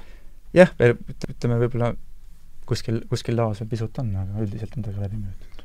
ja see on siis riigi ja vägivalla küsimus? just nimelt, seal ta tõstatabki seal ta toobki selle, selle konfrontatsiooni, ühesõnaga Kristus, Kristuse õpetus versus riik ja, ja, ja vägivallaseadus. Hil-, hiljem kirjutab ta veel, veel, veel hiljem oma elu päris viimastel aastatel vägagi tähendusväärse pealkirjaga teose Vägivallaseadus ja armastuse seadus aga mõte, mõte on nendel teostel kõigil üks ja seesama, et äh, riik kui selline saab eksisteerida ainult tänu vägivallale, sunnile, ühtede inimeste võimule, rusikaõigusele teiste üle. Ükskõik, kuidas me siis ka seda tänapäeval nimetaksime, kas Tolstoi oli ka näiteks äh, väga, väga terav de-, demokraatia ja parlamentarismi vastane. Mis, mis, mille eest ta ka oma eluajal näiteks liberaalilt nahutada sai, et et justkui ta räägib inimõigustest ja rõhutab surma, surmanuhtluse ülekohtusust ja aga samas ta taunib ta ka näiteks, taunis ta tuuma kokkukutsumist Venemaal, kõiki par-, par-, parlamendiparteisid, igasuguseid valimisi aga mis ta pakkuski, kui sa kokku võtad? jah, see tekib sama küsimus. mida ta pakkus? kõik, kõigis oma kirjutistes pakkuski ta Jumala riiki. ühesõnaga ja, ja kõigest sellest nähtuvana võibki ta tunduda, tunduda inimestele selli-, sellise idealisti või ullikesena või täpselt, täpselt sellesama juroodivana, kellest mm. me rääkisime. Aga teisest küljest võib sellest ka, võib sellest ka läbi näha tema prohvetlikkust, et ta, et, et, et ta, et nii, et nii kogu tema esinemislaad kui ka kui ka tema mõttetöö, et see meenutab vägagi jälle Vana-testamendi prohveteid. just, just näiteks no arhetüüp on selline. kogu tema olek oli, oli vägagi sarnane Jeremiale ja Jesajale näiteks. selline, selline terav ühiskonnakriitika, see tohutu em-, emotsionaalsus sel teemal, iga, täielik kompromissitus. Ja mida siis, ja mida nõudsid siis Vana-testamendi prohvetid, täpselt sedasama asja? Aga see oleks hea kuulata ole jällegi teoloogi sellist ähm, kõrvalpilku selle, et et see teatud arhetüüp, vana, vana testamendi prohvet, mida no, kuhu ilmselt Tolstoi kõlab kaasa sellega natuke ja üldse, et mis vormi see, mis vormi see üldse on läbi ajaloo ja, ja, ja keda, kes võiks sellesse ütleme, sellesse arhetüüpi meie sellis siis kaasaegses elus mahtuda, kui me räägime nüüd Vana Testamendi no ütleme, ma isiklikult olen äh, mõneti juhuslikultki vahest äh, öelnud näiteks, et Püha Bernhard oli keskajal niisugune tuntud arvamusliider mm. -hmm. oli ju no.. tema sõna maksis Euroopas. Prohvet on ka arvamusliider mingil moel, et see aspekt on täitsa olemas, minu meelest arvamusliidrit ei saa olla, ma vanasti arvasin nii sest eh, arvamusega ei saa liiderdada või ütleme, arvamusega saabki ainult liiderdada, mitte tegelikult äh, liider olla, sest tegelik liider ikkagi põhineb rohkemal teadmisel kui arvamus. aga arvestades mõne inimese ära teenitud positsiooni, tema arvamus loeb rohkem ja prohvet on see, kes näeb kaugemale, kui seda sõna laiemalt äh,, laiemalt näeb ette, näeb ette ja, ja oskab samal ajal äh, olevikku selle, selle alusel kritiseerida ja mineviku kogemusest mingilgi moel õppida. ajaloolased ütlevad, et inimkond ei õpi midagi, aga samal ajal midagi ikka õpib ka, vähemalt prohvet õpib. Ja Tolstoi puhul on ikkagi see lugu, et eh, ikkagi asi, miks ta kõrvale pandi riikide poolt, on ju täiesti selge, ta ütleb ise ka. riike ei saa olla ilma vägivallata, päriselt. ja kuna ühiskond ei saa olla ilma riigita, siis järelikult Tolstoi ei kõlba ja kõik. pannakse kõrvale, järgmine punkt mm. -hmm. sest äh, tegelikult ju keegi kirjutas väga ilusasti, et et üks selline tohutu anakronism on olemas nagu sõjavägi. see on ju nagu mingisugune, ma ei tea, mis barbaarsus, mis hirmus asi see on, aga ta on olemas. mitte kusagilt ei ole viisi, et kaotame nüüd sõjaväed ära ja teeme seda reaalselt, sest tuleb mitte midagi välja. nüüd, nüüd eelmisel sajandil, kahekümnendal sajandil öeldi siis niimoodi, et eraomand on suur patt ja ja e, piltlikult öeldes kõik e, aiad kisti maha, kõik tarad ja piirid kisti maha eraomandi suhtes. siis avastati, et ei, see ei tule midagi välja, majandus käib alla, vägivald hoopis suureneb. Siis pandi nüüd eramaa piirid üles, sildid kohe juurde, ära tule eramaa, hoia eemale. ja nüüd see ei ole patt, nüüd on teine patt. teine patt on riikide piirid. nüüd see ei tohi kuskilt olla. riigi, mina sain aru ikka niimoodi, et riigipiirist ei tohi üle minna, nüüd tuleb välja, et tohib küll. ja kui sa üleminejat ei aita, siis sa oled suur kurjategija et ähm, väga lihtne on välja mõelda igasuguseid kontseptsioone ja hakata nende põhjal kõiki asju ühiskonnas paika panema. kuivõrd Tolstoi aru saab, et riik ei saa teisiti eksisteerida, siis äh, peaks olema ka arusaadav see, et ta ajab põhimõttelist juttu, mismoodi asi peaks olema, vägivallatu ja kõik. ja seda ei saa praegu teha. teisest küljest, sellepärast jääb see jutt ka aktuaalseks, et ta meenutab seda dimensiooni aga mitte kusagil pole saadud riigita elada. aga just siin tulebki sisse see tema prohvetlik joon. et ta nägi ette, ühesõnaga, nii, nii nagu prohvetid, ta, ta nägi ette Jumala riiki maa peal. Ja seda ta otseselt ka õpetab. ja, ja, ja te, te, tema kuulus lause sellest Jumala riik on teie sees, et, et kristlus hävitab riigi Kristus no, mõte pole ka uus tõenäoliselt, eks. oma olemuselt ta hävitab riigi kui ma nüüd ortodoksi seisu kiriku, keda ta väga ei armastanud, seisukohalt ütleksin, siis see on eh, mulle meenub üks enda isiklik lugu Leningradis, siis oli Leningrad minu lapsepõlvesõber Toomas Kokovkin on praegu Hiiumaa muuseumi direktor. tema vana-vana-vana-vana onu oli admiral Nahimov, kes lõi eh, Türgi väed Sinope lahingus puruks Krimmi sõjas. jah, sama Krimmi sõda, eks? sama Krimmi sõda ja ma olin temal külas Leningradis tuhande üheksasaja seitsmekümne kaheksandal aastal ja äh, mul oli niisugune ilma nurkadeta vest ja lips oli ees, ma tundsin, et ma oleks nagu Sergei Jessenin. ja, ja väljas oli tulemas okt-, oktoobriparaad, kus tema üliõpilasena pidi osalema ja mina käisin ka Peterburi linnas mõned sammud või mõned kvartalid oktoobriparaadil kaasas. ja siis see, see, siis oli mul selge juba, tegelikult see oli vist isegi juhtus üks aasta varem, mil ma tal külas olin samas paigas, et ma väga selgelt sõnastasin enda jaoks kuueteistaastaselt, et äh, kommunism ei ole teostatav. riigid ei ole kaotatavad, äh, politseid ei saa laiali ajada, sest inimkond ja inimese omadus ja loomus seda ei talu ära. ja minu jaoks on siiamaani üks asi, millest me aru ei saa, kuidas Karl Marxi, kes niisugust asja ei taibanud, nimetatakse geniaalseks mõtlejaks, see mulle pähe ei mahu. sest, sest teised tolleaegsed Marxi-aegsed kriitikud said aru, et inimpsüühika ei ole meie ümber teha lihtsalt niimoodi inimloomus. me saame näha, aru küll, et siin on vigasid, aga kuidas sa reaalselt teed ümber? siis äh, Marx hakkas utoopiat ajama, juba enne aeti utoopiat ja hiljem ka. ja Tolstoi oleks minu meelest ka utoopia, kui seda hakataks teostama ühiskonnas. no selle utoopia, mõlema utoopia pured ulatuvad ju üldiselt kristlusesse. kristlusesse, jah, kaug-, kaugemalt, aga kristlus eh, ei ole olnud päris vägivallatu sest ma ei, Jeesus Kristus ise küll ja jüngritelt ta nõudis ka, kes ta ümber olid, aga Peetrusel oli mõõk, e, seda, selle koha peal on üks Jeesuse lause, et las ta olla, on või ongi võib-olla vaja, ja Paulus, kelle Jeesus kutsus apostliksi, e, põhjendab riigivõimu vajalikkust, mitte et oleks iseenesest, vägivallatust nõutakse, aga me ei ole võimelised ühiskondlikult ümber korraldama ja minu arvutust on Tolstoi jutt, ma olen neid asju lugenud, mis sa oled siin tõlkinud ja mis ma olen saanud, ikkagi see, et see lugu läheb edasi. aga seda ei saa praegu teostada, see on see asi. lihtsalt huvitava märkusena vahele, et Paulust näiteks Tolstoi nimetas Kristuse väärastajaks ja väänajaks. noh, see on tema subjektiivne arvamus. et, et, et, et, et tema, tema arusaamise järgi just kohe pe peale Jeesuse surma algaski siis kogu, kogu tema õpetuse allakäik. see on pietistid, saksa pietistid tulid välja sellega. ah räägi, see, see on väga, anname siin jälle tähendab, Mart Luther, keda, kes on, kes on, on ortodokside meelest samuti hereetik, kuna ta hakkab mm -hmm. pihta sellega, et ta tõstab inimese mõistuse otsustajaks. mis üldse ka hiljem Vene filosoofiat eristab eh, lääne filosoofiast, on see, Vene religiooni filosoofiat, et ei tunnistata Descartesi ja Kanti mõõdupuuna. Mõõdupuuks ei ole mitte inimese kogemus, eh, nagu Descartesil ja Kantil, kust ehitatakse kõik asjad paika, vaid mõõdupuuks on pigem plaatonlik eeldus. plaatonlik eeldus,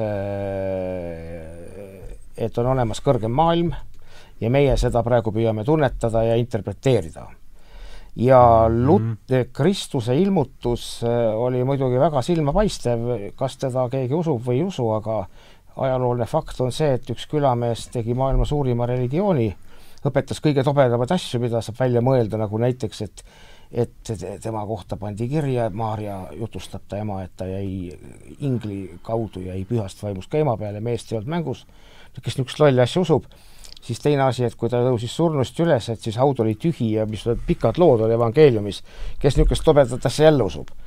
ja see usund levib maailma kõige suuremaks usundiks, mitte kõige primitiivsemate inimeste seas, vaid kõige haritumate inimeste seas läänemaailmas mm. -hmm. Kuidas tahes seda interpreteerida, kas läänemaailm arenes sellest hoolimata või selle tõttu see võib olla arutlusküsimus, vaidlusküsimus, erimeelsuste küsimus.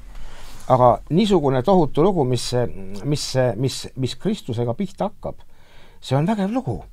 Ja selles mõttes on arusaadav, kui, kui ortodoks ütleb, et sa, Martin Luther, tuled uute kontseptsioonidega sa hakkad ja juba nad ütlevad juba Luteri eelse aja kohta, te võtate oma mõistused piltlikult Descartesi või Kanti moodi või kellegi tahes moodi ja panete kohe alguses kritiseerima aga te ei tunne ju kõiksuse lõputuid sügavusi. järelikult teete algusest peale defekti sisse. oma, oma, oma abstraktne mõttemuster hakkab kogemust algusest peale deformeerima ja niimoodi lähevad asjad paigast.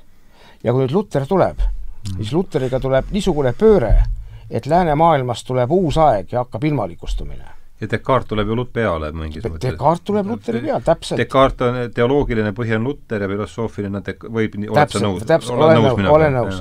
aga Luter oli veel sealjuures, et tema väitis, et Kristuse langus algas eh, paavstivõimu tugevnemisega ja tuli, tuli alles ütleme, süda keskajal kuskil Karl Suurest peale või, või veel hiljem kiriku lõhest peale tuhat viiskümmend neli või kuskilt sealt. ta noh, erinevalt hindab. siis pietistid mm. -hmm. valgustuse eelkäijad olid väitsid pietismid, pietistid on valgustuse eelkäijad, sa ütled, jah? jah. pietistid kui valgustuse eelkäijad või mingi vahearm, niisugune ütleme, luterlik müstika või protestantlik müstika mõnda otsapidi.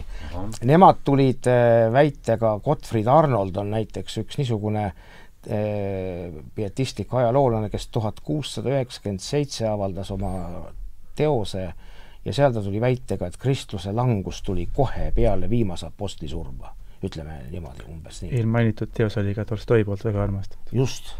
Ja Tolstoi luges igasuguseid äh, lääne filosoofe ja lääne niisuguseid käsitlusi ja oli väga, väga, väga, väga hea kirjanik, kirjutab väga hästi ja just võib-olla sellega, et see ei viinud välja revolutsioonini, vaid ta jäi mõttemalliks ja mõjutaja mõtte kaudu, sellega ta mõjubki, sest oleks see revolutsioonini viinud jälle nagu Marx, siis oleks selle, kui palju jama kaelas olnud. igale poole, kus marksism levis, tuli vägivald ja majanduse allakäik ja vaimne allakäik, nii et see võiks olla uus marksistidele ka õpetuseks, kui nad on õppimisvõimelised tänapäeval. aga näiteks seesama eelpool mainitud Nikolai Berdjajev on nimetanud muuhulgas, kui nüüd see revolutsioon korraks jutuks tuli siin, on, on nimetanud Tolstoid ka üheks Vene tsaaririigi hauakaevajaks ja ja, ja Vene revolutsiooni vaimseks isaks. jaa.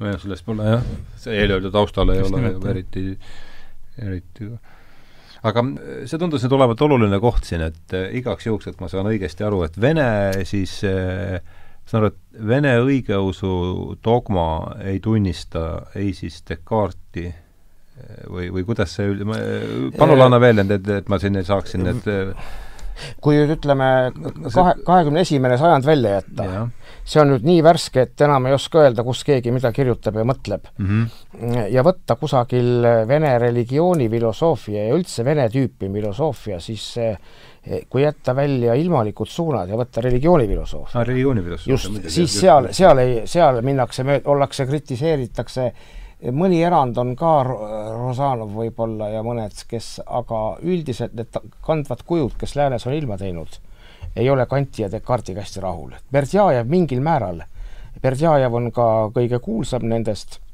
sest ta suutis läänele, läänemaailmas kõige paremini kõnelda.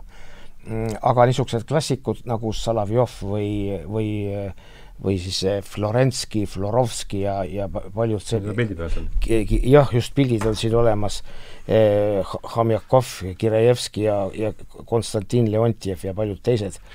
et, eh, et jah, tüüpiliseks jooneks on see, et eh, lääs läheb eh, inimmõistust keskseks pannes moonutab tegelikkust, sest tegelikkus on palju suurem ja kui me hakkame pihta oma mõistuse nõrgast kande jõudmisest, siis me ei jõua kuhugi välja.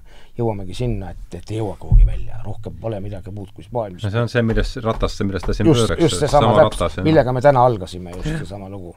jah, jah. ja õigeusu kirikus on, on väga tähtsal kohal just traditsioon. miks? et mis et mis on ajalooliselt kirja pandud, siis, siis, siis, siis, siis see on, on samaväärne Jeesuse ilmutusega. Sest keegi pole vastupidist tõestanud ja, ja üks mm, -hmm. üks argument, mis on, mis kehtib, on see, et traditsioon peab näitama, et ta on algusest peale kogu aeg olemas olnud mm. -hmm. ja kui ta on olemas olnud, siis on tema eelduseks, et ta pärineb Jeesuselt, kes on meist targem, kordades. ja kui ta on meist targem kordades, siis jälle see, et seda, sellest ei saa mööda, see on nagu eelduseks mm. -hmm. aga loomulikult äh, lääne omad kritiseerivad ja Tolstoi kaasa. ja just, just Tolstoi kriitikas näiteks ongi välja toodud et juba Jeesuse eluajal sel-, sellise nii, niivõrd kau-, niivõrd-kuivõrd kogud-, mingisugusele kogudusele aluse panemine oligi esimene, esimene libastumine selle, selle, selles järn-, järgnevas kristluse tees. no see on see Ernst üldse, üldse, üldse, tähendab, mis, mis Tolstoid häiris selle juures, on kõige rohkem see, et et mingisuguse väikse inimeste grupi eraldamine maailmast.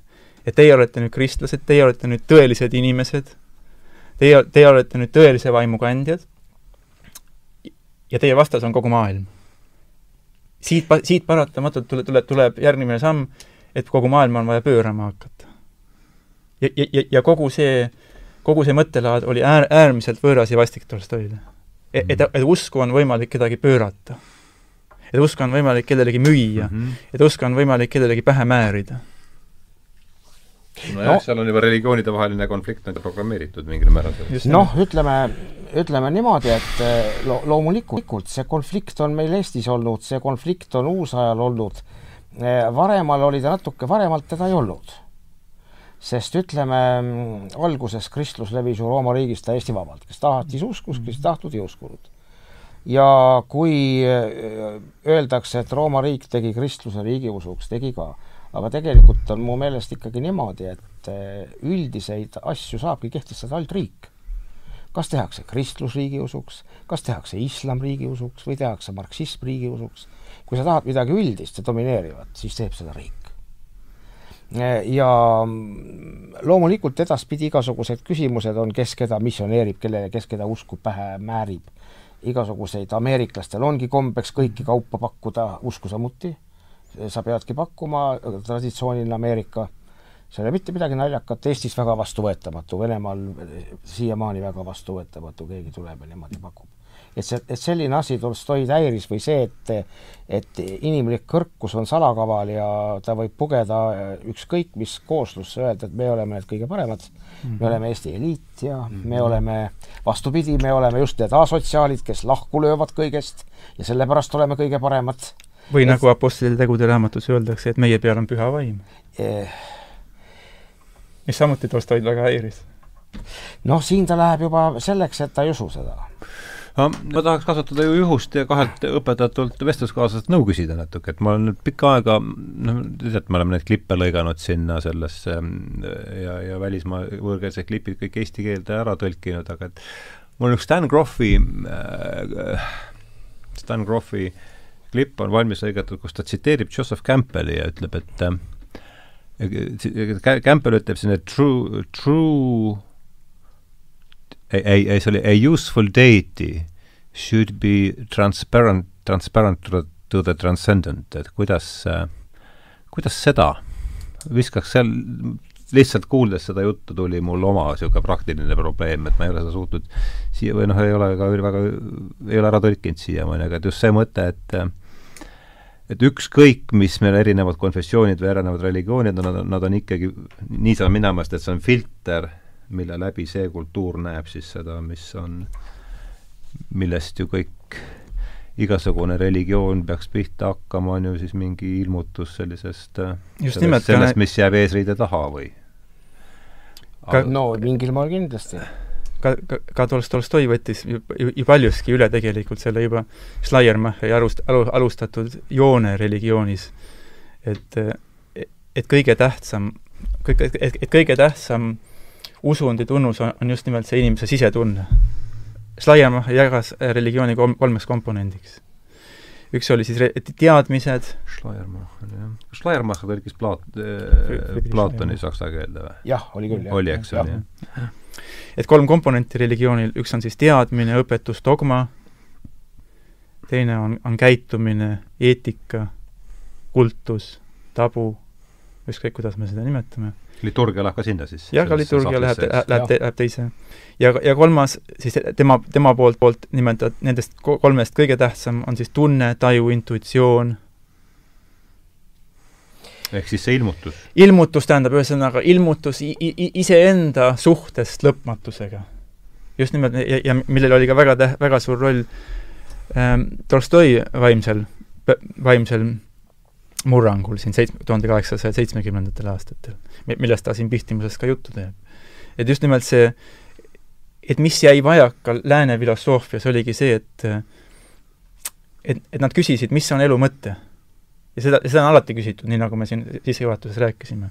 seda küsis Salomon, seda küsis Hiob, uuematest äh, Schopenhauer,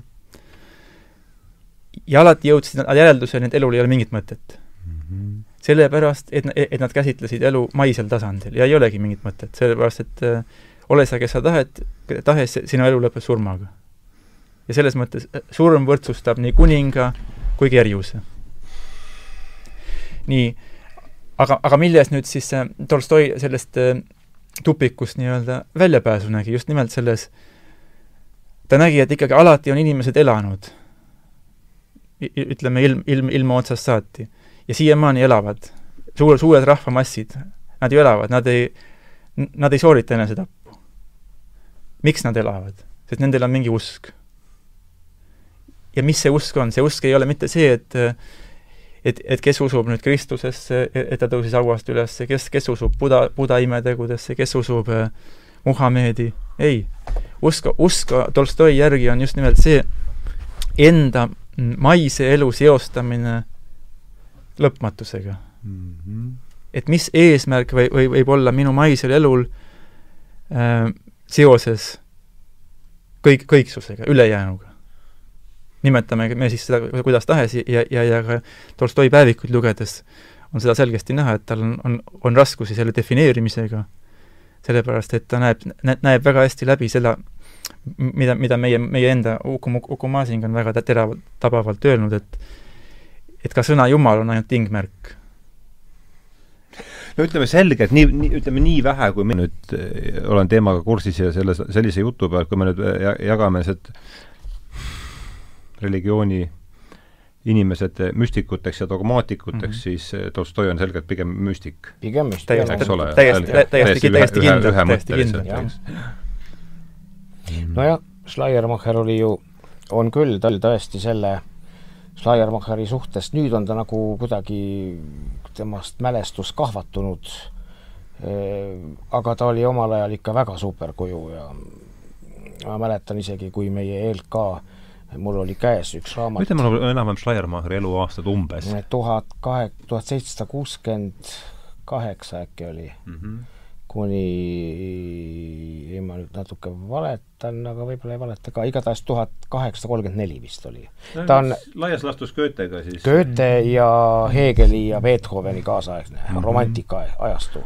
üks Berliini ülikooli tegelasi ja ja tema see, see intuitsiooni käsitlus, mida ta tundeks nimetab, eh, Gefühl, Gefühl., see on äh, olnud väga täpne, hea kirjeldaja inimese religioossus seisneb lõpmatuse tunde, selles tundes ja kogemuses, et lõpmatusega ollakse ühenduses, kusjuures eh, need, kes Schleiermacherist aru on saanud, need ütlevad seda, mis, mis on ka õige. Eh, see ei ole puht subjektiivne tunne, vaid see on subjektiivne tunne objektiivsest tegelikkusest väljaspool mm. -hmm. Need, kes ütlevad, et see on puhtalt psüühikasisene tunne, need ei ole asjast aru saanud Eh, Schleiermacheril oli see tunne teispoolsusega, mis on päriselt olemas. ta on ikka Platoni mõttes realist siis? jah.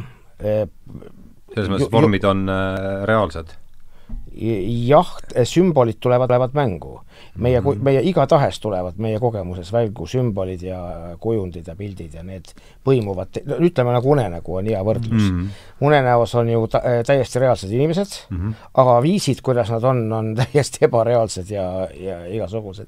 et niisugused asjad tulevad religioonis paratamatult, igasugustes nägemustes, mõlemad elemendid aga see, et eh, mingi tunne oleks psüühi-, puht psüühikasisene, seda, eh, seda tasub üldse läbi mõelda, näiteks, näiteks keegi ütleb, ütleb kellelegi midagi väga halvasti ja teisel on paha tunne sellest, selle mhm. tõttu mm -hmm. see ei ole puht subjektiivne tunne, sest halvasti ütlemine on selle põhjuseks, see tuli väljast.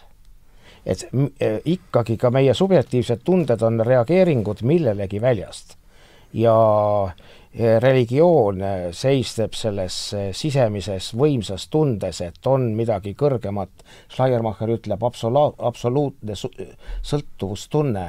Mm, -hmm. hiljem on öeldud pühaduse tunne, on igasuguseid väljendeid kasutatud ja lõppude lõpuks Immanuel Kanti Jumal kui praktilise mõistuse postulaat. Schlechthinnige Schlechthinniges Abhängigkeitsgefühl, just see tuli läbi ju Tillichi saates, eks, Tillich sai kõva, palju mõjutusi Schleiermacherist. see oli, kui me Alar Laatsi ja Toomas Pauliga oli see Tillichi saade ja sealt tuleb see Schleiermacher siis. just. ja, ja samuti, ja samuti eh, eh,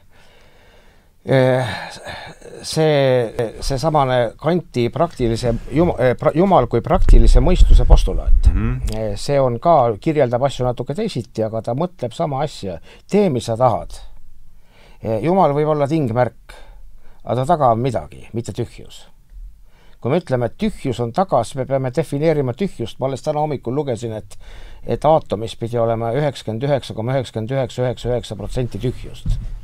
et mis asi see aatom siis on? on tore lugu.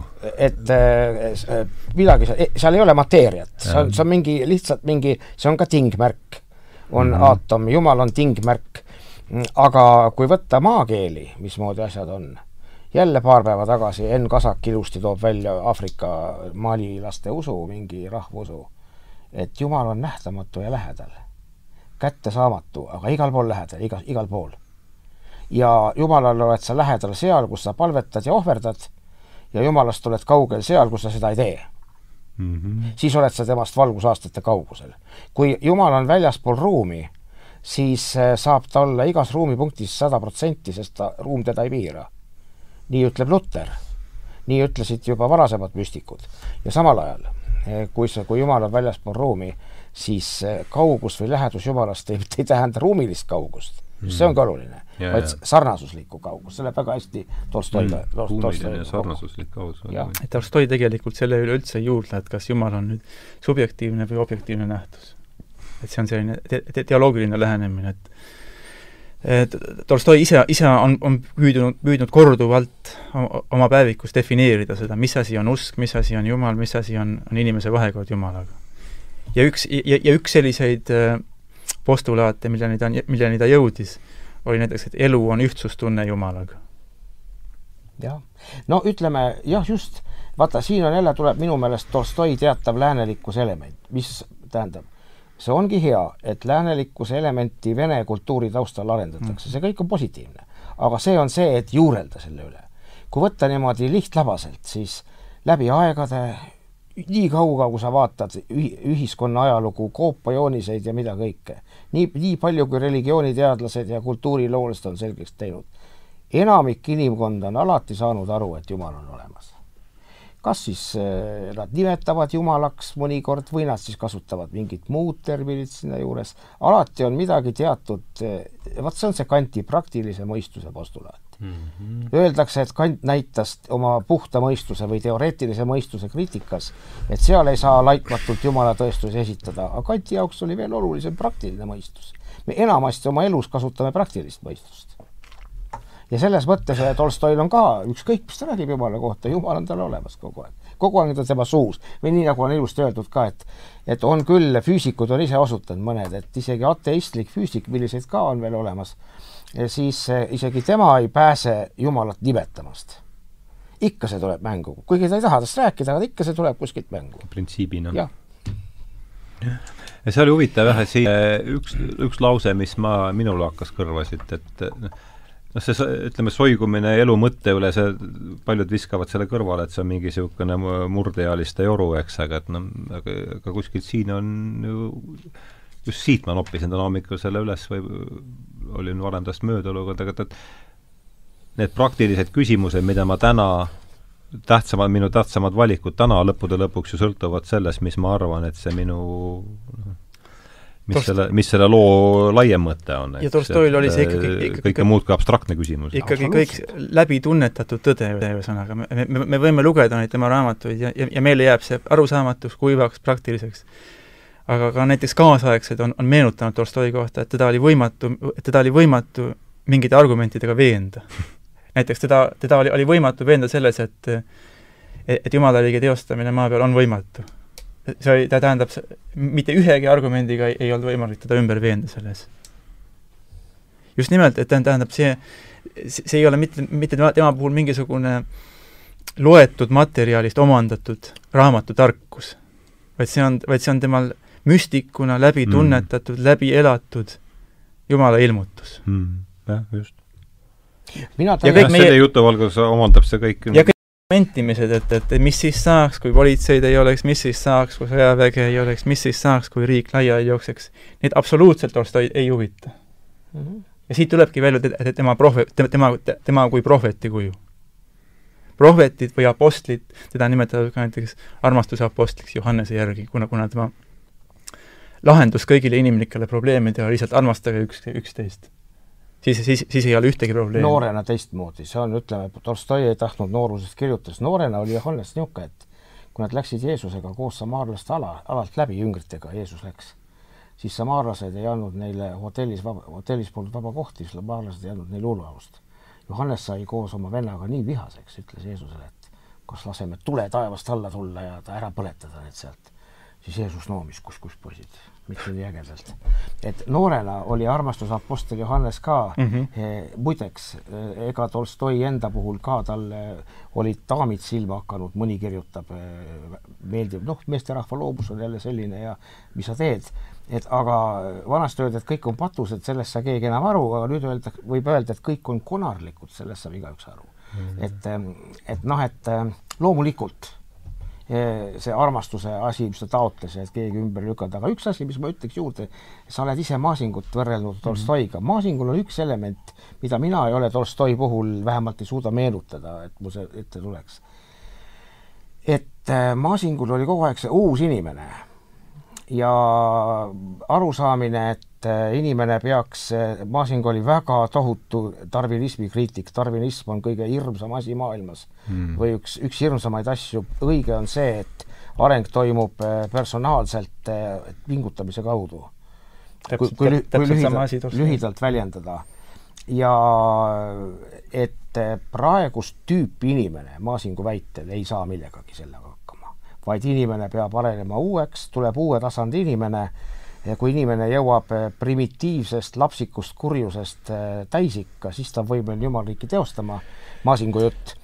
ja siis äh, ta ütleb oma, oma teoses Vana Testamendi prohvetlusest, mida siiamaani ei ole millegipärast avaldatud, avaldakse igasuguseid Maasingu erakirju ja mida kõike, täiesti niisuguseid asju, kus suurt midagi lugeda ei ole. Ja siiamaani on Vana-testamendi prohvetusest avaldamata, kus ta ütleb väga selgelt, et minu meelest on inimkond jõudnud umbes kümneealiste taseme, kümneaastaste tasemele. Mass, seda ütleb Masing, jah ja.. seda mõte on siin saatest varemgi läbi käinud. jah, et viieteist, viieteistaastased äh, prohvetid on umbes viieteistaastased ta ennast ka sinna võib-olla julgeks natuke pidada mingil määral ja kolm täiskasvanut, Lao Tzu, Buda ja Kristus, eks ole, kes on siis täiskasvanud Masingu järgi mm. -hmm. et aga ikkagi see moment jääb, et äh, Jumala riik on täiskasvanute seas võimalik, seda ei saa teha laste seas. Ja, ja sama asi, et Tolstoi võib ennast kaitsta ja võib öelda, et ei lase ümber veenda, aga praktika tagajärjeks on see, et veel ei ole sellega hakkama saadud. just nimelt, ja see oligi ka paraku paljude inimeste saatus, kes tema ümber olid. et äh,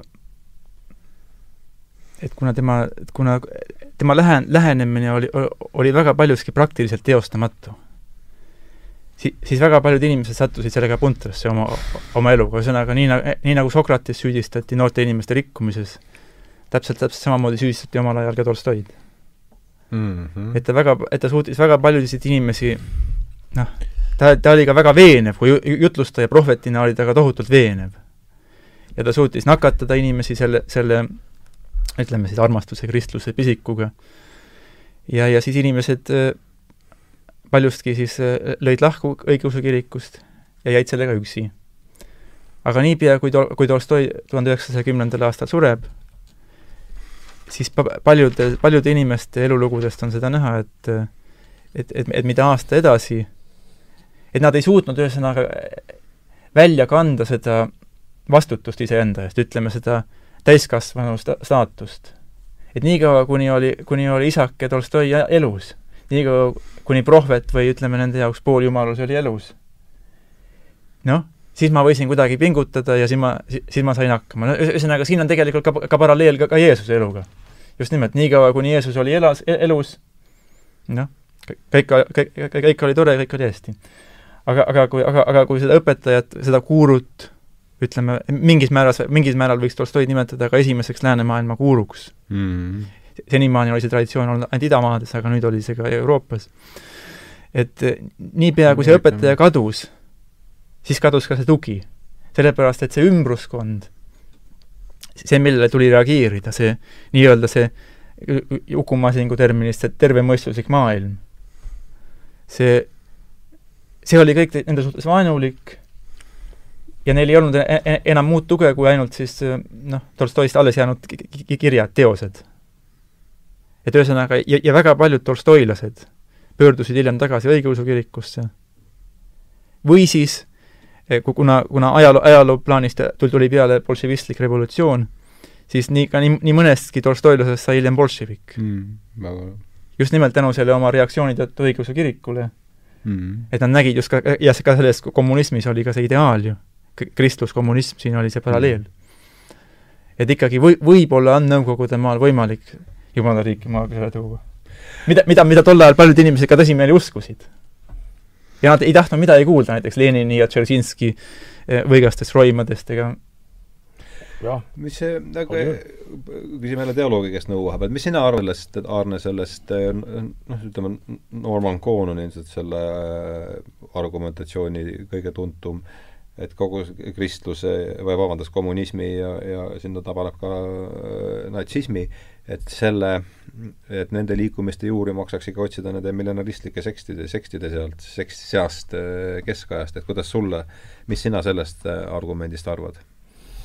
mis on, mis see Kooni, Kooni argument ühesõnaga, et, et see viib meid sinna millenaristlike sektide jah, kristlus või see, või see kommunism viib küll, aga aga ta on äh, sealt kuidagi võetud ja käivitatud, et äh, see väga raske on määratleda seda, ütleme, algkristluses ei ole andmeid, et oleks kommunism olnud mm. -hmm. algkoguduse rahvas äh, võttis, tegi val-, tegi vara ühisomandiks, pärast tuli puudus kätte. Paulus korjas neile Kreekast abi, et nad nälga ei jääks ja kommunismi katsetus väike oli, aga see ei olnud mitte sellepärast, et ehitada nüüd kommunistlik ühiskond, vaid oodati, et Kristus tuleb tagasi mm. -hmm. ja kui ta nüüd ei tulnud ja tagasi tulemine viibis, siis hakkas tulema puudus. ja hakati, Paulus korjas äh, neile raha ja nad, ja vara viis sinna, elas, said sellega hakkama. ja edaspidi on, äh, on kommunism olnud äh, samuti väikestes gruppides, kloostrites mm -hmm.. siiamaani on, on kommunismi teostanud ju kloostrid. just ja kloostrites elatakse kommunismis, see on, ütleme, aluspesu on igaühel personaalne võib-olla laual peal pastakad ja niisugused asjad ka, paberid, kus sa kirjutad. aga varandust ei ole, kõik on ühine, töötatakse ühiselt, tarbitakse ühiselt, antakse almusi, armusi ühiselt ja mujal ma ei tea, et oleks jäävalt kommunism teostunud peale kloostrite. Ja siin on ju bolševismi suur viga on kohe see, et see on jälle, et saadakse aru sellest, nii nagu Tolstoi saab aru, et jumala riik peaks tulema, see oleks õige. aga kuidas sa teed? Tolstoi oli targem, ta ei hakanud tegema kommunistid olid äh, rumalamad, hakkasid tegema ja jõuavad sinnamaani välja, ma lugesin alles hiljuti, seal kah Tolstoi kirjutas, et et seda uut inimest, mis kommunismis elab, võib nimetada, no olgu peale, kui te tahate, kas või üliinimeseks. aga taheti uut inimtüüpi luua ja kui nüüd mõelda, et need igasugused ahnepätsid, kulakud ja teised kapitalistid, nad on ju alaarenenud ahvid, nad on ahned, küüned enda poole mm. -hmm. mis sa nende ahvidega tahad, need tuleb maha lasta, Siberisse saata. ega siis inimene oma mõistuse kohta, Martin Luther on ilusti öelnud, et mõistus on kuradi parim hoor teatavasti vanakuradi lõbumajas on terve hulk prostituute, aga mõistus on kõige universaalsem. Neid sa võid ükskõik millisele kliendile laenutada, ta teeb oma tööd korralikult ja kõik asjad saab ära, ära põhjendada, nii nagu das ist doch plastisch nii nagu ütleme, Eesti, Eesti kõnekäänd ütleb, et, et loll, kes põhjendusi ei oska leida. Ja, ja sama asi on see, et, et kui me niimoodi hakkame ühiskonnale lähenema, praegu on jälle samad küsimused selle samasoo küsimustega ja libe-, vasakliberalismi ja konservatismi ja jälle sama küsimus. kui palju me saame leiutada mingi arusaama ja öelda, et nüüd kõik kohe peavad tegema et see võib õige olla, et lõpuks oleme kõik mitte valged ega mustad, vaid oleme niisugune pruun, aga see ei käi ju kahe aastaga.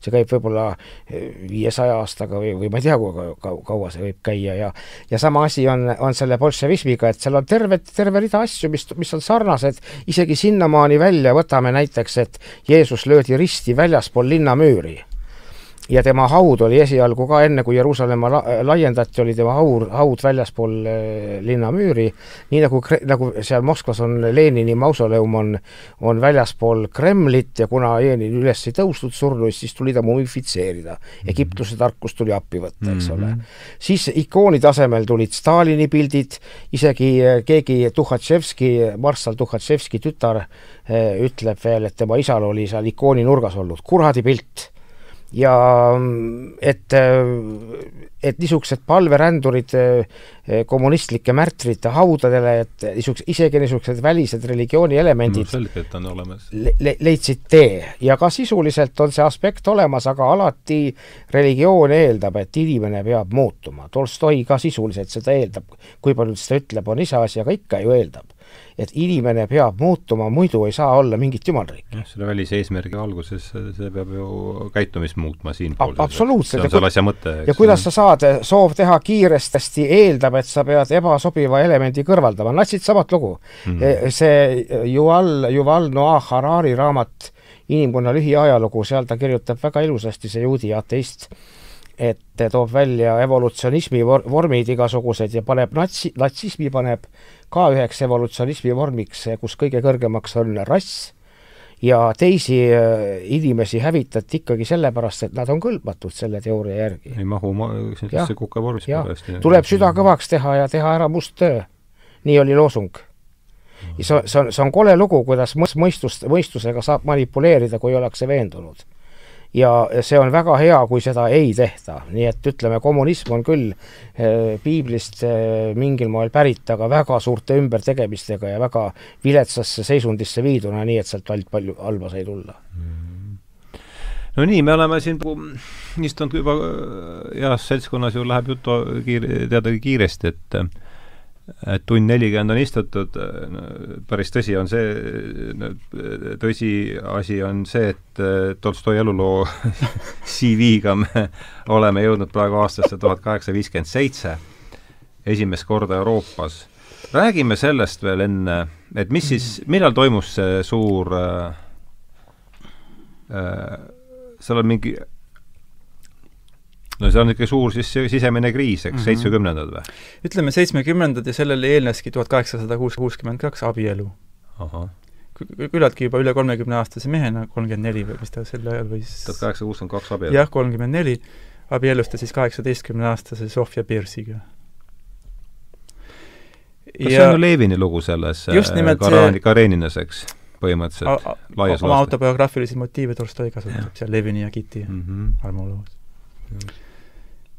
Ja, ja, ja siis järgmine märgiline tähtmus ongi siis äh, abielu esimesel kümne, kümme, kümme aastal kirjutatud Sõda ja rahu, mis oli Tolstoi elu vast kõige, kõige rahulikum periood, see kümme mm aastat seal kuskil abielus tuhat kaheksasada kuuskümmend kaks kuni tuhat kaheksasada ütleme seitsekümmend, seitsekümmend kaks. see oli selline perekondliku idülli aeg mm. -hmm kuuskümmend kaks, seitsekümmend kaks, idüll. kui tol-, kui Tolstoi, jah, ütleme jah, esimene selline pikad mesinädalad. rahulik, pikad mesinädalad. Et eh, kui, kui Tolstoi pani maha oma igavesed otsingud ah,, Ahasveeruse otsingud ja ja, ja leidis oma õnne abielus, mai-, maisest abielust mm. -hmm. nii, seitsmekümnendate aastate alguses hakkab ta kirjutama Anna Kareninat ja selle ajal mille esimest lauset me ju mäletame just nimelt. tasub, tasub muidugi kuulajatel üle korrata, et et äh, kõik perekonnad on kõik õnnelikud perekonnad on õnnelikud ühtmoodi ja kõik õnnetud perekonnad on õnnetud. Oma, omamoodi. nii, ja ja see, ja, ja tema paljude poolt ka kõige, kõige tähtsamaks ja kõige imposantsemaks peetav romaan Anna Karenina, mil, mille, milles kajastuvad ka tema isiklikus elus tol, neil aastal, kirjutamisaastail äh, äh, nähtunud otsingud ja ekslemised. Ja, ja just selle kirja kirjutamise ajal saavadki alguse siis ka sündmused, mis on pihtimuse aluseks. ja, ja mida Karenina kirjutamise ajal, just nimelt, jah mm. -hmm.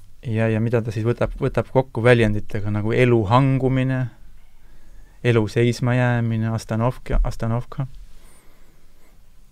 ja just nimelt kogu selle mõttetuse peale tulemine ja näiteks tuhande kaheksasaja seitsmekümne viiendal aastal kirjutab ta oma heale sõbrale Strahhovile, et ma tunnen, et mulle on saabunud vanadus.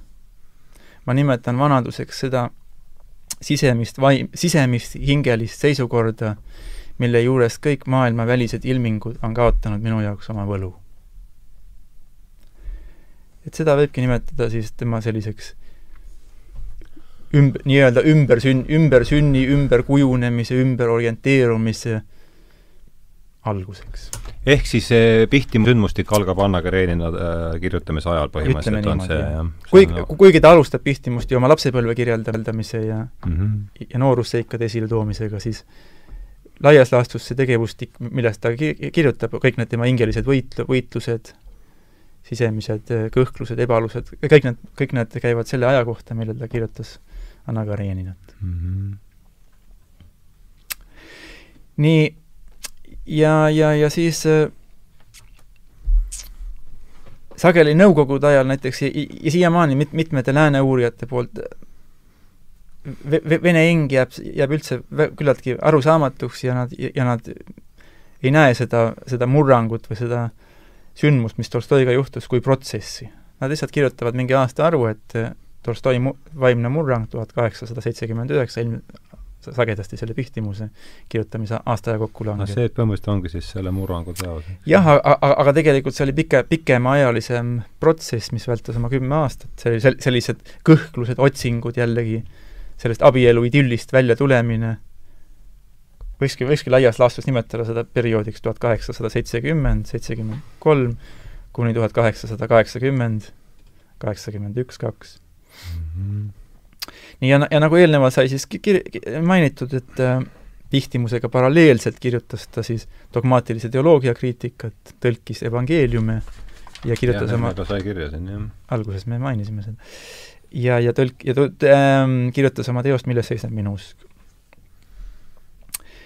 järgneval aastal, tuhat kaheksasaja, tuhat kaheksasaja kaheksakümnendatel aastatel, siis ta asus ka isikliku enda, enda elu ümber kujundama vastavalt äh, siis nüüd, nüüd tema poolt kas jutumärkides või ilma puhastatud Jeesuse õpetusele, mille, mille teljeks pidas ta mä-, mäejutlust. ja kusjuures huvitav on ka meil märkida seda, et tuhande kaheksasaja seitsmekümnendate lõpus, kaheksakümnendate alguses nägi, nägi ta, kui nüüd põigata korraks kiiresti teoloogilise poole peale, nägi ta Jeesuse õpetuses ja mäejutluses kui sellist, sellist programmi et mingisuguseid käske. Ta nägi, et, et, et mäejutlus seisneb käskudes. et sa pead, et sa pead, pead üht ja pead teist ja pead vennale andeks andma, ei, ei tohi vannet anda riigile, ja, ja nõnda edasi. aga hiljem tema käsitlus muutus ja ta, ja, ja ta kõigest ka sellest tema üldiselt tema filosoofia ja usu, usutunde nurgakiviks saanud vägivallatuses, nii protivljenije vene keeles äh,, hakkas ta isegi samuti müst-, müstiku kombel järjest enam nä-, nägema ideaali. et ta ühesõnaga justkui alguses ta oli jällegi siin, siin võib, võib näha paljusid paralleele näiteks äh, vastselt pöördunud kristlasega. ta tahab, ta on väga elevil, ta, ta, ta täielikult taunib oma eelmist elu ja, ja ta, ja ta tahab võtta seda uut usku nii täht-tähelt kui vähegi võimalik. nii nagu me rääkisime, ükskõik kui võimatu see ka ei oleks. aga, aga, aga vana Tolstoi hakkas järjest enam aru saama, et et nii nagu Jumala mõiste ei ole üldse, ei, ei ole, ei ole, ei ole niivõrd objektiivne, vaid, vaid on, kuivõrd on subjektiivne, tunnetuslik. niivõrd, niivõrd on ka Jeesuse õpetus Jumala riigist ja selle teostamisest. mitte niivõrd selles, kuidas korraldada riigielu, kuidas, kuidas ühiskond ümber, ümber kujundada mäejutluse alusel, vaid, vaid, vaid, vaid kuivõrd just inimese sisemine uuenemine. iga inimese töö iseendaga vaat just nimelt töö iseenda kallal muutus äh, aasta-aastalt Tolstoi jaoks järjest tähtsamaks.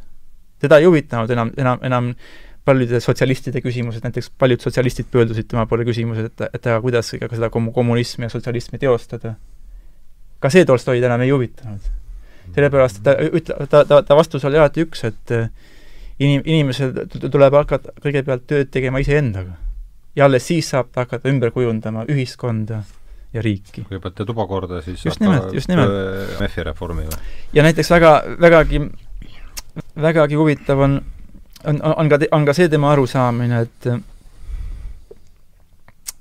üld, üld, üldiselt koos kiriku, koos kirikliku kristlusega lükkas ta kõrvale ka kõik sakramendid ja kiriku kui institutsiooni, kui maise institutsiooni. siis näiteks aasta enne oma surma, tuhande üheksasaja üheksandal aastal, kuulub, kuulub temale selline mõte, et inimese, inimese läbikäimine inimesega on ainumas ja kõige suurem sakrament. enese Jumala teadvustamine teises. tähendab, ainus, ainus, ainus kogemus selle, selle kõrgemaga, ükskõik, kuidas me seda nimetame siis, kas, kas, kas kõigeks, Jumalaks, kõiksuseks, ükskõik milleks, selle miskiga, selle müstilise teispoolsusega on, on, on ainult mit-, mitte läbi kiriklike sakramentide ja mitte ka läbi armuandide ja ja teistele heategude tegemisega, näite, näiteks Tolstoi kritiseeris ka väga kummalise aspektina ka näljahädaliste aitamist.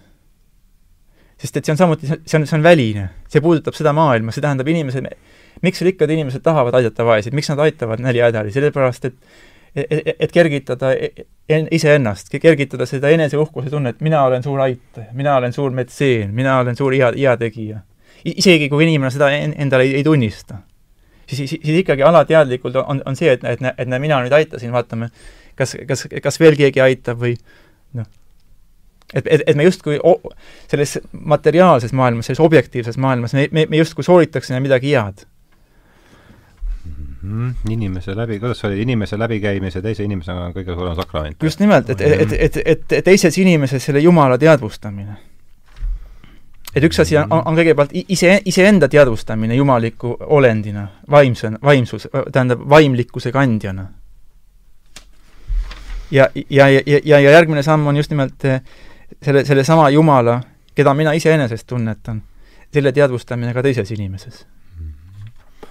No see võtab, ütleme niimoodi, olukorras, kus me peame hakkama otsi kokku tõmbama, aitab see meid paar sammu edasi, et ma annaks veel enne, kui ma lähen viimase küsimuse juurde Aarele, Aarele, Aarnele, vabandust, Aarnele mm, siis äh, sellise ei oska teda niimoodi ka küsimuseks formuleerida, aga teema, et ühiskonna ümberkujundamine mäejutluse alusel, et kuidas see, seda, neid katseid on äh, olnud ju sadu et kuidas jah, ja see on, on meil, on meil midagi kõrva taha panna nendest katsetest? see on äh, tõsine lugu, ma kutsuks kohe kõiki Iisraelisse, me oleme mäejutluse mäel, mis on tõenäoliselt teada allikate põhjal.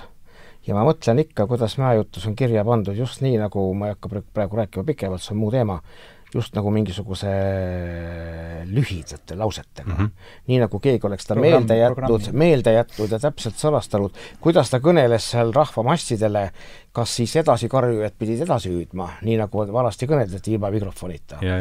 või eh, rääkis ta pikalt ja kõvasti, nii et inimestel oli aega mõelda, kirjutaja sai eh, kuskilt maalt mälu järgi, neid pandi kirja, niisuguseid programmilisi lauseid siis ähm, äh, mäejutlus on tõesti väga mõjukas olnud, eh, mõtlemisaine väga paljudele inimestele.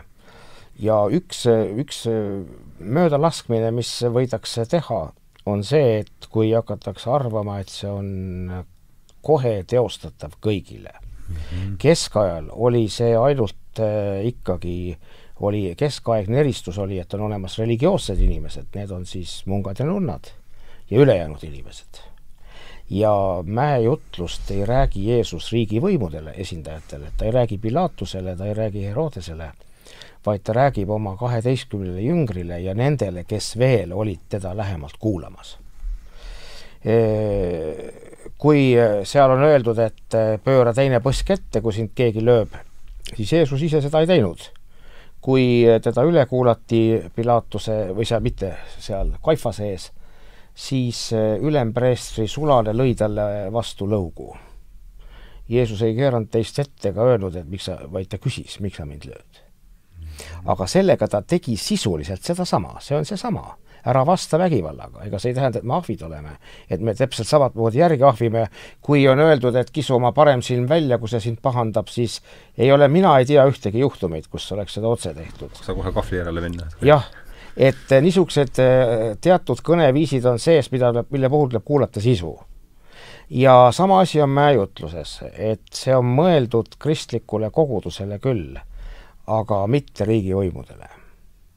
Riigivõimud niimoodi ei saa käsitleda, riigivõimude lõppude lõpuks on küll, kui see jumalriik tuleb, siis on selline eluviis.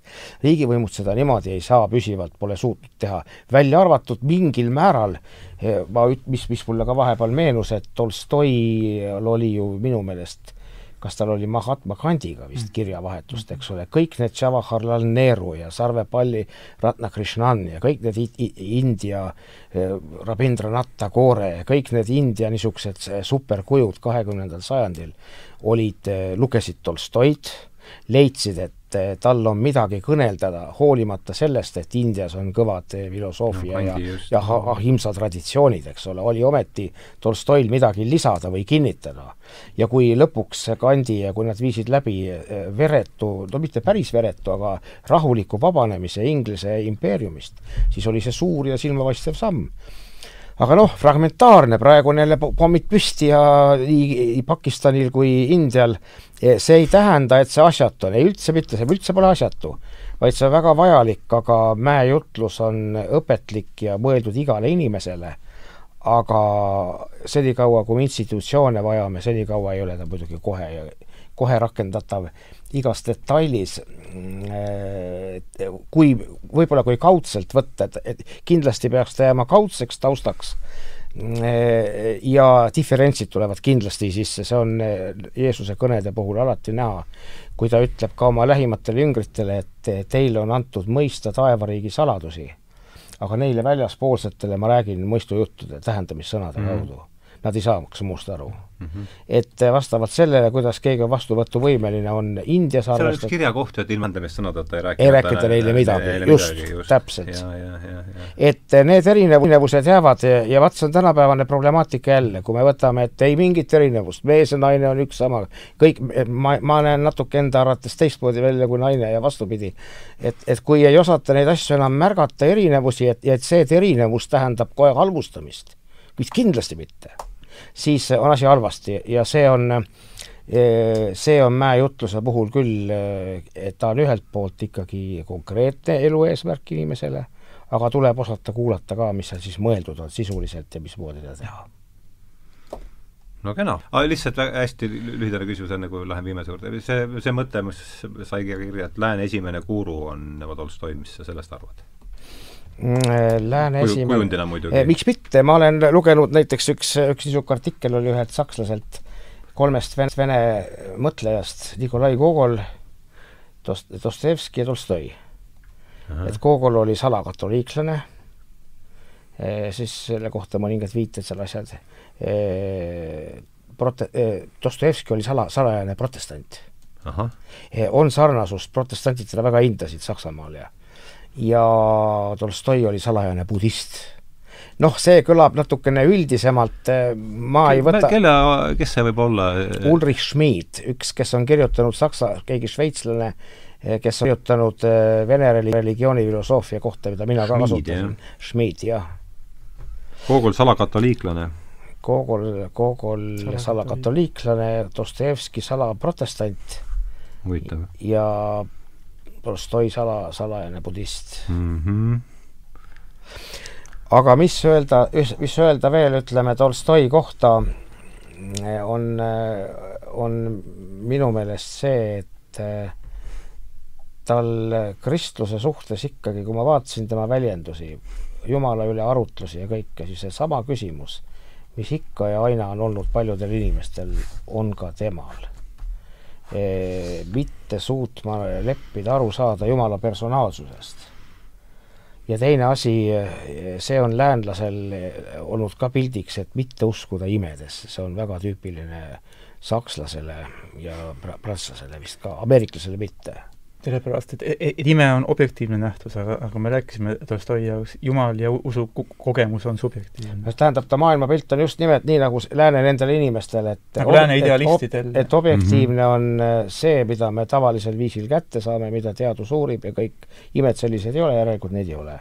või on nad siis subjektiivsed. aga, aga samas aga see ei ole kristlus. kristlus, ükskõik, kas ol-, kas keegi usub või ei usu, kristluse mootor on objektiivsed imed, päriselt toimunud sündmused ja sellisena on kristlus levinud tohutu suureks ja sellise kristluse vastu on ka väideldud ja minu meelest on Tolstoil ka see probleem. ta ei suuda uskuda, kuidas ta, miks ta ei suuda seda uskuda, et armulaua leivas on Jumal intensiivsemalt kohal kui mujal. kui Jeesus nii ütleb ja kui armulaua protsessis, kui sa vaimselt oled sinna lülitunud, Jumal, kes on muidugi Jumala poolt vaadatuna kõikjal lähedal, aga meie tunnetuse selle poolt vaadatuna, et ta saab armulaual kohal olevaks lausa füüsiliselt erilisel viisil. No hea küll, et me ei mõista, ei mõista ka ortodoks, ta ütleb müsteerium, see talitused on ju müsteeriumid meie keeles on see, lääne kristlased ütlevad sakramendid mm. -hmm. tainstu. keegi ei eita ta,. tainstu on vene keeles, jah. keegi, keegi ei eita, salasuus just. et nad oleksid äh, lõpuni on vene keeles tainstu yeah.. aga siia minu arvates Tolstoi komistas sinna, kus komistas mõni, mõni teinegi. ja kus komistab siiamaani äh, mõni muu, kuigi et nüüd on meil olemas taustsüsteem on muutunud, nüüd on siis ükskõik, kes sa oled, universum paisub, seda on korduvalt mõõdetud see on eksperimentaalselt kindlaks tehtud, see ei ole teooria, vaid äh, empiiriline tõde. nüüd leiti üles bosonid. Äh, mina ei pea enam üldse mingit maailma lõpu juttu rääkima, füüsikud räägivad. kirjutate kuskile Google'isse vastavad märksõnad, loete, mismoodi tippfüüsikud ja akadeemikud räägivad, et boson on tõesti apokalüptiline maailma lõpu element et kui bosoni tasandil mikromaailmas midagi natukene muuta, siis tekib uni-, universumit läbiv nihe, mis pühib universumi minema. nii et ähm, et nüüd see ka veel? nüüd see ka, ühesõnaga, taustsüsteem on selline, kas peaks ette kohe kõike sellesse komistama, et on mingi imed või midagi, pigem jääda selle juurde, et see on tainstva. See on üks saladus, äh, äh, kus, millest me ei saa enam üldse osa, kui me mõistusega ära blokeerime. teades samas, et me ei ole lõpuni maailmatargad, et on veel, kuhu areneda miks peab olema, võib-olla me tuhande aasta pärast paneme asjad paika, ütleme, et näed, seal, seal Jeesuse juures polnud midagi naljakat, et nad ei saanud tol korral veel õigesti aru, aga näed, need asjad lähevad hoopis kuidagi nii kokku. aga kui me ette blokeerime ära, et see meile hirmsalt vastu on, siis äh, igatahes kristlane on raske olla, see on tõsi, peaaegu võimatu, võib-olla mõnel ongi võimatu ja Tolstoil oli oli selles suhtes minu meelest lõpuni probleeme. ma ei unustaks, tohin ühe küsimuse esitada, Rainis ortodoksi kiriku seisukoht eh, Tolstoi suhtes, kas mitte uusajal pole olnud ka niisuguseid eh, seis-, ma ei mäleta ise, et niisuguseid, niisuguseid lähenemiskatseid, et tunnistada Tolstoi ikka omaks mm. -hmm. On vist olnud? on olnud küll, jah. mida mina praegu, kus nad praegu sellega on? mida mina muidugi pe-, pe-, pean kõige suuremaks silmakirjalikkuse näiteks. ei ole, ei ole, siin ma sulle julgen vaielda, sest eh, nemad tahavad ikka head tunnistada oma vene mõtleja hoolimata sellest, et eriarvamusel ollakse eh,, tahab, tahab tunnistada omaks, ei maksa kahtlustada. kui Tolstoi siiamaani elus oleks, siis ta sellega kohe kindlasti ei nõustu. aga miks ta nii kuri on teiste suhtes ja sallimatu? et seda ei tohiks olla. Ma Sest arvan mida see tähendab, mida, mida see tähendab, mis asjad on need, need need leppimiskatsed, need see tähendab seda, tunnistada, et Tolstoi on olnud tõeotsija, meie ei ole temaga ühte meelt aga me tunnistame teda laiemas mõttes meie vene, vene tõeotsija inimene, kes on silmapaistev ja kellest me tahame lugu pidada. mina saan sellest nii aru. Mm.. aga asi ei ole tegelikult selles, tegelikult on selles, et kaasaegses ortodoksias õigeusu kirikus, mida üritatakse ja mida on alati üritatud juba em, alates emigrantlikust traditsioonist, et kui paljud Vene, Vene õigeusu kiriku inimesed läksid emigratsiooni pärast bolševistlikku revolutsiooni, siis üritati hakata ajama seda joont, et et noh, et, et tegelikult ikkagi Tolstoi oma viimastel eluaastatel soovis läheneda kirikuga, soovis leppida kirikuga, soovis ühist keelt leida, aga vaat need paganama kurjad tolstoilased olid tema ümber, kes ja, ja, ja nagu, nagu veel ka paljud hilisemad emigratsioonis olevad õigeusu vaimulikud ütlesid, et et, et need ka bol-, bolševike sabor-, sabarakud, nad armastasid näiteks Tolstoilasi nimetada bolševike sabarakudeks Mm, aga see on vale lihtsalt, seda annab öelda, mis siis, mis nemad seal ütlesid. aga just selle, aga just see kogu, kogu selle ponnistuse siht oligi see, et, et näidata seda, et tegelikult kui nüüd Tolstoi oleks ikka natukene veel kauem elanud, siis ta oleks õigeusu kirikuga leppinud, kõik õigeusu kiriku seisukohad omaks võtnud no, ja oleks no, jälle rahu, rahumajas olnud. aga no, kui me loeme tema no. viimase aasta päevikuid, siis muidugi seal sellest mitte mingit jälge ei ole. see on ilmselt tõsi ja see võiks olla kellegi personaalne isiklik hüpotees, mida ta tahab näha, aga eh, see on täitsa arusaadav, et need, kes Tolstoiga mõt-, et, et, et seda ei saaks väita iseenesest, jah. Konstantin Leont-, Konstantin Leontjev oli üks selliseid mehi, kes üritas nii, niiviisi mm no kena, me oleme nüüd kaks tundi heatahtlikult, ma arvan. kaks tundi siin juba istunud, et on aeg esitada Mm, küsimus, mida ma olen nüüd esitanud kõikidele, kõikides saadetes pärast, mis on siin pärast tõve, tõvepausi olnud, et mis teie sellest kevadest endale kõrva taha panite? kõige tähtsam asi. Raini, sulle ja hakkame sinust pihta. seoses Välja..., seoses koroonakriisiga? jaa, ikka jah, jah, jah, muidugi, et see on ju selle kevade mina et ei ole vist inimest, kellest oleks märkamatult mööda läinud? ei, ja, ja minul õnnestus sellel ajal olla hoopis kaugel Eestist, Kanadas mm. -hmm. ja ma nägin seda sealse, sealse prisma, prisma, prisma pool, prisma külje pealt. et äh, minu jaoks on olnud üks kõige suuremaid avastusi seoses selle kor-, ka-, käesoleva ja, ja, ja siiani ikkagi, ikkagi toimiva, toimiva kriisiga äh, avastus, et äh, kuivõrd, kuivõrd lihtsalt on inimesed manipuleeritavad. et, ja siia võikski paralleelina tuua just nimelt ka selle Tolstoi demokraatia eituse, et, et, et me, et, et väga lihtne on näha demokraatiat mingisuguse ideaalina, mingisuguse puhta, puhta valitsemisvormina. ei, see, see, see on täpselt samasugune ühtede inimeste võim teise üle ja lihtsalt tänapäeval tehakse seda peenete vahenditega, nagu propaganda, riiklik, äh, korporatiivne meedia, see ongi, tähendab, kõige rohkem äh, mind, mind hämmastanud. inimeste tähendab äh, manipuleeritavus. manipuleeritavus ja kui lihtsasti inimesed, inimesed loobuvad oma inimlikkusest, kui lihtsasti hakkavad nad üksteise peale kaebama, kui lihtsasti võtavad omaks äh, kõik need mõttemallid, mida me mäletame stalinistlikust ajast, et näed, an-, annan oma naabri üles, annan oma vanemad üles. võeti, tema juures käis üks külaline. et just nimelt see, et, et, et kui kergesti lähevad inimesed kaasa karjana üldise mentaliteediga, et, et, et kui, et kui kerge on, on, on, on kujundada avalikku arvamust ja siis läbi avaliku arvamuse manipuleerida massidega.